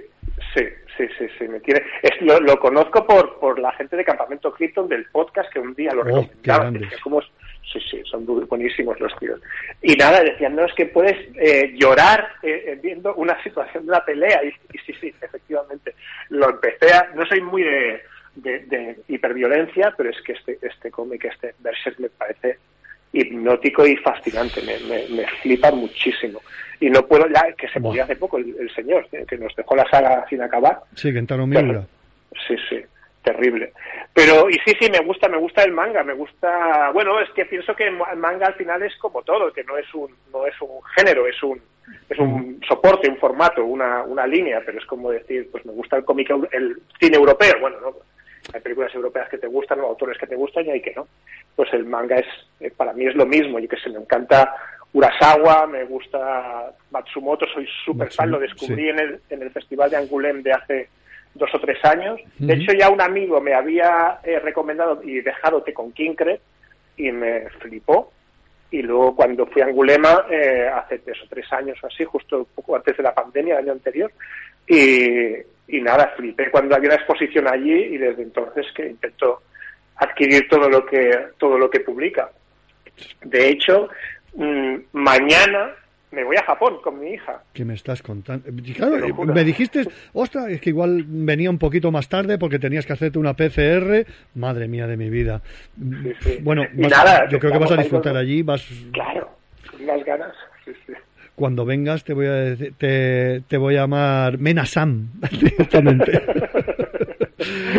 Oye, otra cosa, eh, ya tirando un poquito para nuestros autores, los autores patrios, ¿no? Bueno, patrios y abarco también eh, a nivel europeo, ¿no? Desde Albert Montaigne hasta Bastián Vives, creo que también ahí es bastante de Bastián Vives.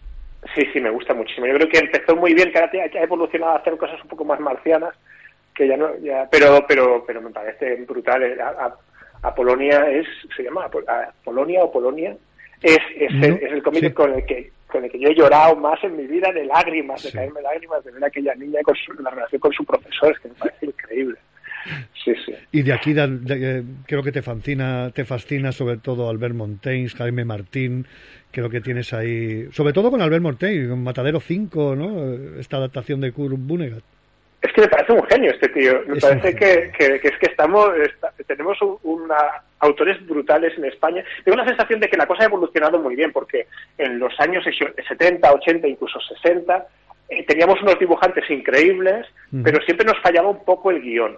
Quedaba la cosa un poquito ahí más coja y entonces se, hacían esas adaptaciones de, de literatura clásica o, o cosas como muy obvias eh, a nivel de guion que, le- que, que aunque el dibujo es increíble, se te cae un poco de las manos eh, eh, por, la, por la historia que explican o por cómo la explican. Pero ahora no, ahora me parece que hay que hay gente increíble, yo qué sé, pues Altarriba o, o Montéis que está que estabas comentando, es que me parece que hay que hay unos au- autores eh, brutales eh, y es que son eh, mucha muchísimo talento hay muchísimo talento y, y- y además en una eh, unión de dibujo y guion Y creo que eres muy fan de Anabel Colazo. Te he visto ahí en Instagram que has leído varias obras de ella. Sí, sí, sí, sí. Me, también eh, entré por porque con, porque conocí a la, a la hija de la gente de la cúpula, que además es la chica que, lo, que rotula, me lo recomendó y ahí empecé a tirar y sí, sí, me gusta, me gusta, es muy, muy interesante. Además también pienso que hay que hay un, un, unas- un grupo de, de, de autoras ahora que, que ahora que se está que se está de alguna manera favoreciendo la paridad eh, que, que, vamos que, que tienen un talento increíble y además una manera totalmente distinta de explicar las historias que, que es una- un prisma diferente una manera de abordarlo con una sensibilidad mucho mayor una, delicadeza que, que, me, que me encanta y, y, y todo lo que entre, sea entrar ahí pues me, me flipa. Sí sí sí sí También, bueno, ahí me has pegado en mi, mi corazoncito con las revistas adultas, con ahí, con Tutain, con, con Crepi, con 1984. Te he visto ahí que habías cogido uno una vez de aventuras bizarras, de escalofrío. Bueno, mm, me quito el sombrero. Tengo bastantes de estos y encontrar a alguien que le gusta es difícil. Sí, sí, sí, sí. Aquí, aquí en, en casa hay toneladas de Kimo que está casi entera, 1984 también, Zona 84 está casi entera también. O sea, hay aquí toneladas de, de historia del, del cómic patrio y, y sí, sí, son, son, son cómics que, que en su momento eran, eran, claro, es que era, era la manera de, de entrar en el cómic. Porque si tú te comprabas, a lo que pasa ahora, el problema que hay ahora, problema tampoco, la, la dinámica que hay actualmente es que tú te compras un álbum y ese es el autor que tú conoces y la obra que conoces o porque te lo han recomendado o porque ya conoces al, al autor y entonces eh, tiras del hilo y, y vas investigando lo que ha hecho o porque oyes una crítica, lo que sea. Eh, pero, pero en su día tú te comprabas la revista y en la revista venían seis o ocho, no recuerdo, o diez historias distintas Sí. y ahí entonces de repente descubrías un montón de cosas. Yo que sé, hay gente como acaban de editar ahora eh, al bar mayor de, Ujú. de Brescia y, y al bar mayor yo lo, lo descubrí en Cimo y, y yo no hubiera me hubiera acercado nunca a ese cómic con ese trazo tan tan áspero y tan visceral y con esa- esas rayas tan, y esas tintas tan casi agresivas pero, pero empecé a leer aquellas historias autoconclusivas y, y de aquellas aventuras de aquel errante y me, me flipaba, me flipaba. Y lo descubrí gracias a eso, a esa entrada en las revistas en las que de repente descubres a, yo qué sé, pues desde BA a, yo qué sé, quién fuera, Carlos Jiménez, a, Sí, Carlos Jiménez, Fe- Fernando Fernández, con su Drácula, que seguro que la habrás leído. Bueno, Sí, totalmente. Oye, y con todos estos mimbres que, que con esta riqueza comiquera, ¿cómo, te, ¿cómo das el salto de, no sé, creo que tu futuro hubiese sido en la ilustración o guionizar, y das el salto a ser director de series y cine? Bueno, en realidad es que es que es un es lo que me ha fascinado siempre la, la, la dirección. Siempre he querido dirigir desde que era muy muy pequeñito y, y nada, y, aquí, y, lo, y lo logré. Para mí el cómic es una afición muy muy arraigada. Ya, lo- ya lo ves que es que, que no que no, no, no concibo mi vida sin el cómic, pero pero ha sido pura afición en realidad. No no me no me he visto nu- nunca he sabido dibujar especialmente y, y bueno pues mira he, he tirado más en esa en esa dirección. Para mí el cómic ha sido más influencia y base para de ideas para, para desarrollar historias o formas narrativas y tal, que no porque realmente eh, yo pensara que podía dedicarme al mundo del cómic. Eh, bueno, fíjate que bueno tienes ahora muchísimos trabajos. Eh, bueno, has hecho Merlí, ha- eh, has venido a Saledén, pero yo no sé. A ver, tienes muchísimo trabajo. Yo creo que, que tienes tantas cosas ahí uno en la cabeza, pero mm, ¿no crees que te falta algo al ser tan comiquero hacer una serie tipo Umbrella Academy? Hombre, me encantaría. De hecho, estamos estamos luchando para hacer alguna adaptación. No se puede dar ni detalles ni nombres ni Vale, nada. vale, vale, vale. pero pero estoy en ello hay como un par de, de opciones que se están que se están peleando y yo soy muy optimista porque son dos obras que me fascinan una más nueva y otra más clásica y las y las dos estamos peleando duro para para conseguir que alguna para hacer un par de series y para conseguir que alguna plataforma se interese y a ver si esto llega a buen puerto, pero vaya, está, la cosa es muy lenta y lo que tenemos es la esperanza puesta claramente. Y a su vez el ojo también mirando mirando de reojo todo el tiempo a lo que se va publicando porque porque realmente eh, hacer una adaptación de cómic es, es algo que, que me, que me volvería loco.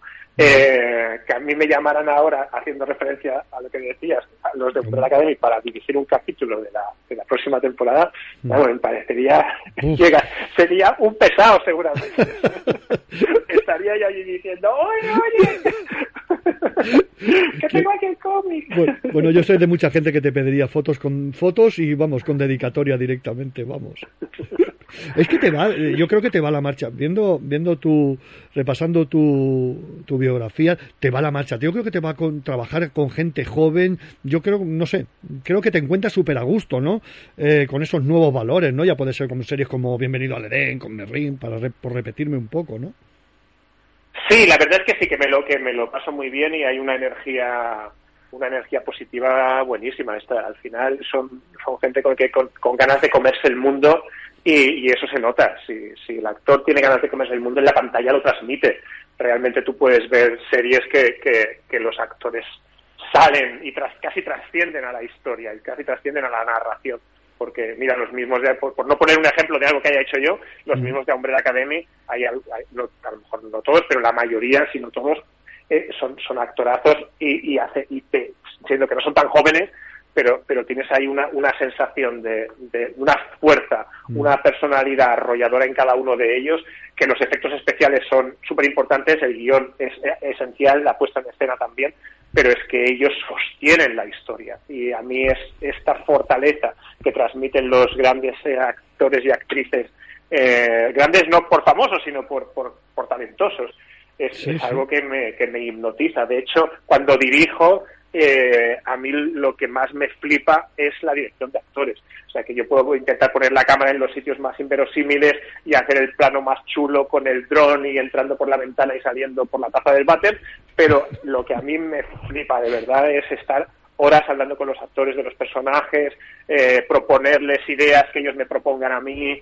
y, y a partir de ahí construir a los, a los a los personajes que se han imaginado y que transmite el guion y, y un híbrido de lo que se imaginan ellos más lo que transmite el guion más lo que me pueda imaginar yo eso se, intento que se traduzca en la pantalla y creo que cuando lo hacemos bien se nota y tiene fuerza Sí, es que, a ver, yo es que con los clásicos, que con lo que he visto, sobre todo con Bienvenidos a Edén, es que des- desprenden una, eh, no sé, una brutalidad. Y si fuera una viñeta te diría, es que, me- es que parece que me estén diciendo algo, ¿no? Lo aquello de la cuarta pared que te están diciendo, pues yo creo que ahí con, con la gente joven, pues hablando entre comillas, desprenden una brutalidad de talento que, que es espectacular, vaya. Espectacular. totalmente Eh, que bueno con el tema sobre todo con el tema de series. Tú que estás ahí yo creo que estamos en una época en una época dorada no de, de las series de televisión. Nos enganchamos ahí y a veces estamos hasta 10 horas para ver toda una temporada de golpe. Mm, no crees que se ha perdido aquel encanto de ver el episodio semanal de, de comentar el episodio durante toda la semana nosotros que ya tenemos una, una experiencia no y no crees que se ha perdido ese encanto Bueno, sí, lo que pasa es que sí, sí, totalmente. Pero son las cosas de otra manera. Ahora, sí que es, es verdad, se han perdido muchas cosas, pero al final es que prefiero no, no, no ir mucho, siento que pienso como tú, no ir mucho a ese- al discurso de, de la nostalgia, porque al final el tiempo avanza y, y hay que estar un poquito a lo que a lo que pasa. A mí sí que me, me- lo que añoro más es el, la, de alguna manera el- la huella que te puede dejar una serie. La sensación que tengo yo ahora, y tampoco hace tanto en realidad, pero la sensación es que en los últimos años, pero estamos hablando de tres años, cuatro, yo creo que desde que acabó Juego de Tronos prácticamente, las series ya apenas dejan huellas. Se, se ven, se, se, se- las, las consumes de manera compulsiva. En un solo día te chupas eso que dices tú, 10 horas, que pimplas ahí 10 capítulos o 12 o 8, los que Sí, sean sí, es que- te quedas catatónico y al cabo de tres días ya no te acuerdas de esa serie. Y te, alguien te dice no es la secuencia que del salto con el coche o yo qué sé o la, el beso del ta-". es que no, no ya no no no no hay no deja huella. Lo, lo gracioso de verlas en su día semanalmente y además en una hora de emisión fija que es lo que nos pasó con Merlí por ejemplo es que la gente estaba obligada a estar a la misma hora todo el mundo viéndola claro.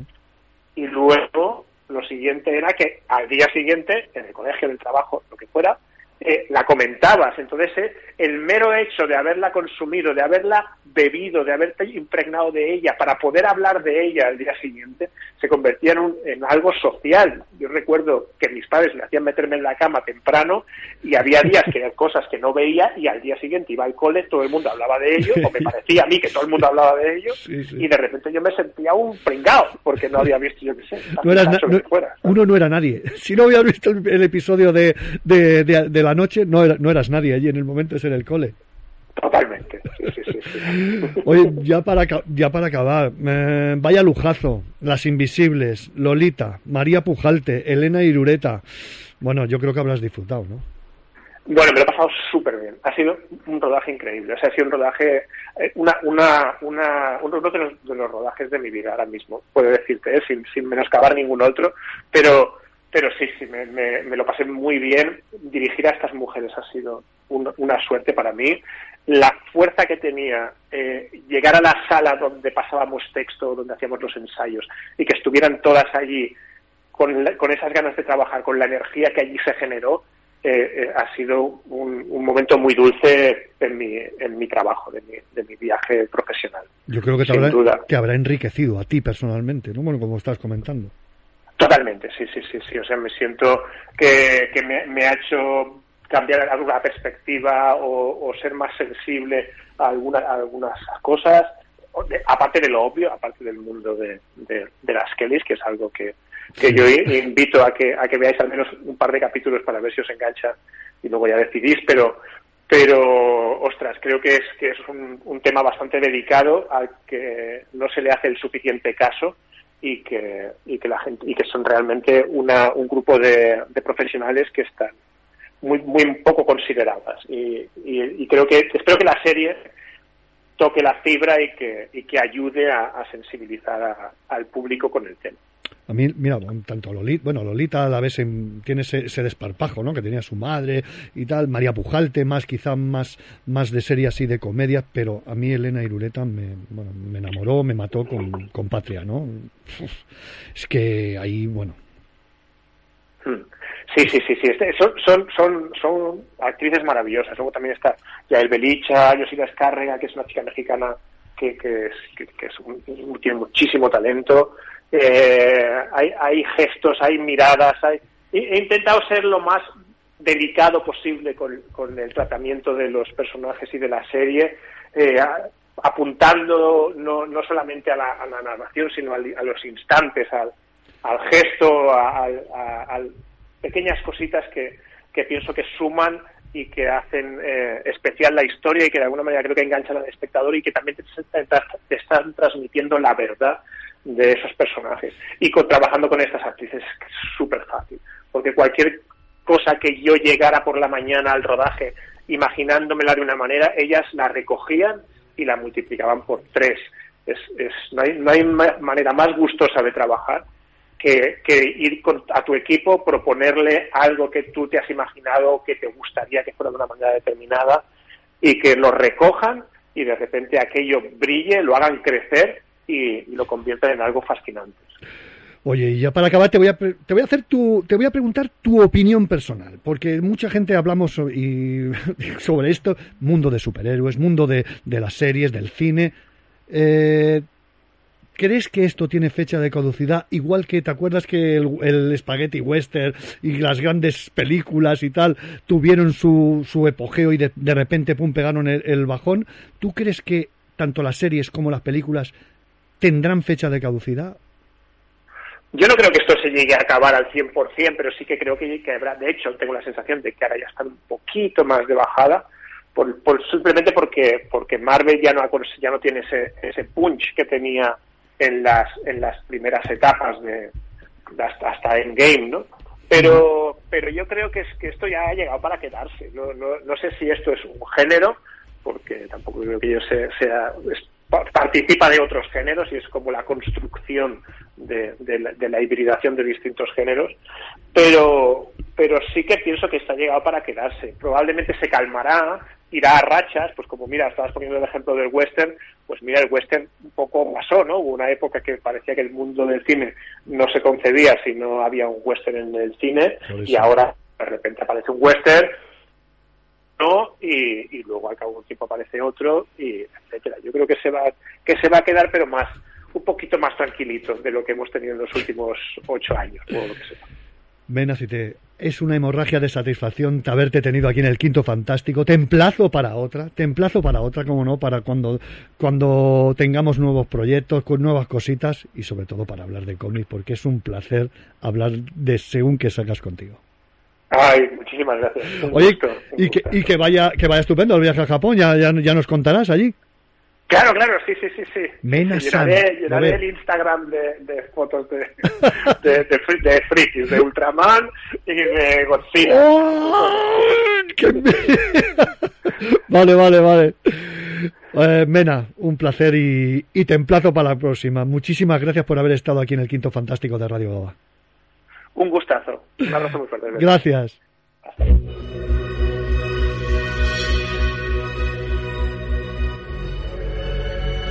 Bueno, después de esto ya nos plegamos. Tengo ahí a Eva para entrar. Bueno, muchísimas gracias a todos. Han sido dos programas de, con un colofón increíble de Menafité. Eh, os emplazo para el mes de mayo.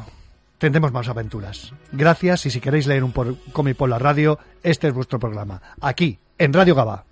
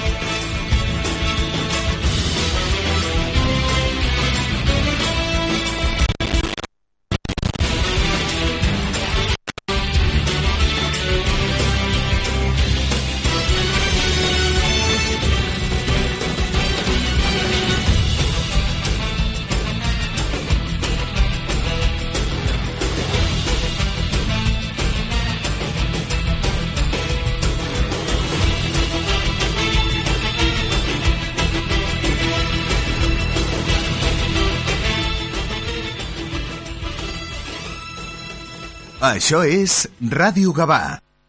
Hola. Vida Mejor, tu inmobiliaria en Gabá, tiene un plan sencillo para que vendas tu piso seguro y es que disponemos de más de 2.400 compradores para ti.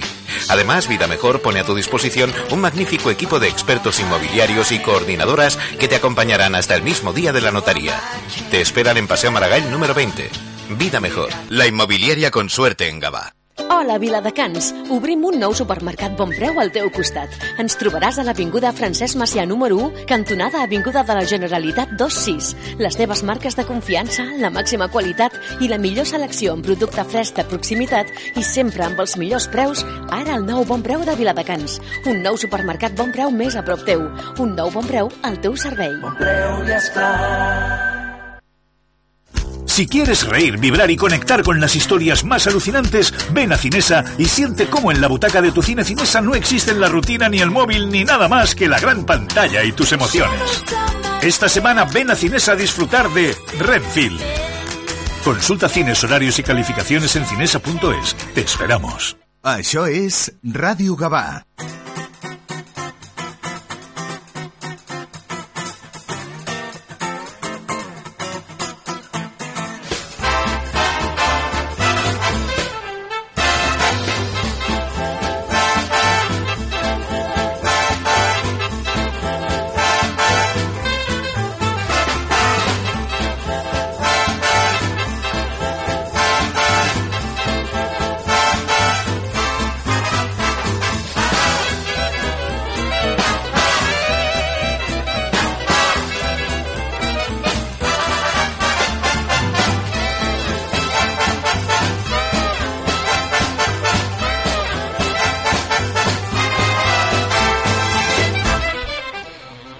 Dia, benvinguts i benvingudes. Comencem amb Gira Cabal, 91.2 de la FM, quan passen 7 minuts de les 10 del matí. Nosaltres som Maite Alonso i Eva Rosa i avui us convidem a quedar-vos amb nosaltres. Tindrem a Carme Alonso. A les ulleres violeta d'avui ens parlarà d'una història que coneixeu però potser no sabeu tots els detalls i és que es va fer força famosa més enllà de l'àmbit local a causa d'una cançó que ja té uns anys i que és força coneguda. Avui també recordarem que al llarg d'aquests dies la colla de caminants Francesc Lassarte està realitzant les inscripcions físiques al casal Sant Jordi, allà a la Rambla, eh, per a la caminada a Peu a Montserrat, que té lloc els dies 6 i 7 de maig. Per una altra banda, també avui us parlarem d'una presentació literària que es fa aquesta mateixa tarda, així que farem una petita prèvia i que és força curiosa. Uh, és un llibre fet com a quatre mans, podríem dir. José Luis Atienza uh, és la persona amb la qual avui parlarem, l'entrevistat d'avui, però justament aquest llibre, que com dic es presenta avui a la Biblioteca Josep Soler Vidal, l'ha fet amb Vicenç Tugas, que porta tota la seva vida al món funerari. És a l'último viaje, històries d'un funerario. La presentació és avui a dos quarts de set a la Biblioteca Josep Soler Vidal i farem una petita prèvia.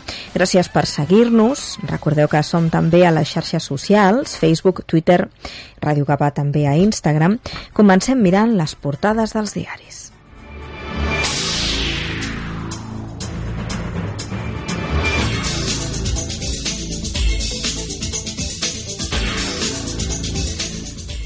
El diari El País avui ens diu això, ens diu que la crisi dels cereals fa mm, escardar-se el recolzament de l'est d'Europa a Ucraïna. Eslovàquia s'uneix al veto de Polònia i Hongria i Bulgària planeja fer-ho també. Per una altra banda, Macron es compromet a intentar calmar la còlera social. Espanya identifica 263 excombatents jihadistes. El govern inscriu a les llistes de la Unió Europea residents que es van unir a l'ISIS o al Qaeda. 40 d'ells estan en llibertat. Aquest diari avui també ens diu que el PSOE mm, tanca amb el Partit Popular la reforma de la llei del sí. I per una altra banda ens diu també que la Porta justifica tots els pagaments a Negreira als informes del seu fill. El País, en aquesta primera edició que estem consultant, diu que el consum de fentanil puja malgrat els controls severs I en teatre, el fantasma de l'òpera baixa el taló a Broadway després de 35 anys fent-se. La Vanguardia diu avui que el PSOE encarrila els canvis a la llei del només sí és sí amb el suport del Partit Popular. Els socialistes redueixen els, els pactes assolits amb els populars a qüestions tècniques davant la irritació d'Unides Podemos que els qualifica d'humiliació. La Vanguardia avui ofereix una entrevista a Raquel Sánchez, qui va ser alcaldessa de Gavà i, com sabeu, des de ja fa un temps, ministra de Transports, Mobilitat i Agenda Urbana. Limitar el preu dels lloguers d'habitatge és eh, progressista. També avui la Vanguardia diu Polònia i Hongria veten els cereals ucraïnesos. Primer pulmó transplantat a la Vall d'Hebron al món amb un robot. Una foto d'intel·ligència artificial guanya un premi internacional sense que el jurat sap, sapigués abans de donar aquest premi que havia estat feta per una intel·ligència artificial. També aquest diari diu veïns del Carmel volen recuperar els búnkers i eh, aquest diari ens diu que perquè Sumar és decisiva per a Sánchez segons un estudi de demoscòpia. La dreta comença a reagrupar el seu vot i l'esquerra està en via de desintegrar-se. La porta es defensa atacant a la foto de portada, el podem veure, amb uns papers i amb un CD. El diari El Periódico avui diu que Catalunya compra un gran lot de pisos de la Sareb, el banc dolent i la Generalitat negocien la venda més important de vivendes a una comunitat. També aquest diari diu que la Porta intenta que la UEFA sigui indulgent. Jugadores de l'Alama de Múrcia denuncien abusos i mals tractes. La preocupació per la neteja creix a nivells de rècord entre els barcelonins i l'última versió d'Alves no explica la ferida de la víctima ni el lloc de les marques al UBC. Per una altra banda, avui també ens diu aquest diari, primer transplantament pulmonar robòtic. La Vall d'Hebron prova amb èxit una tècnica mínimament invasiva que evita l'obertura del tòrax. El diari ara diu que la Vall d'Hebron fa el primer transplantament robòtic del món de pulmó. L'hospital cura un pacient amb una operació més curta i menys dolorosa, agressiva i invasiva. El govern i l'Estat acosten posicions i acorden el traçat de la B40. Es farà el tram entre Terrassa i Sabadell, però falta tancar el finançament. L'Ara diu que Alemanya i la Unió Europea perden pes per als exportadors catalans i la Generalitat investiga el concurs del districte administratiu de la zona franca. Alves admet haver mentit i diu ara que hi va haver sexe consentit. La porta també a la portada de l'Ara. Aquest diari destaca aquesta declaració. No aconseguiran destruir-nos. El diari El Mundo diu que la Porta és incapaç de justificar el pagament de 7 milions i mig a Negreira. També diu avui que el contribuent ja paga el tipus d'IRPF més alt de la història per les pensions i la inflació. El pla Sánchez contra la crisi del lloguer exclou totes les cases de qualitat de Sareb. Podem demana a Díaz per escrit a fer campanya al 28M contra Compromís i Mas Madrid. Un assessor de Bolaños és darrere l'associació basca que equipara els aterres amb les seves víctimes. L'aviació ucraïnesa vola a ras de terra contra l'exèrcit rus. I també aquest diari avui diu que eh, la ràpida mort dels insectes és aquí, segons un biòleg britànic, Dave eh, Wilson, i diu que aquests insectes són imprescindibles per a la vida humana, per a la vida en general. I eh, també el Mundo diu que han condemnat a 15 mesos de presó un exconcursant de Gran Hermano per abús sexual al programa. El diari ABC diu que Sánchez acudeix al Partit Popular davant el no de Montero a corregir el sí és sí.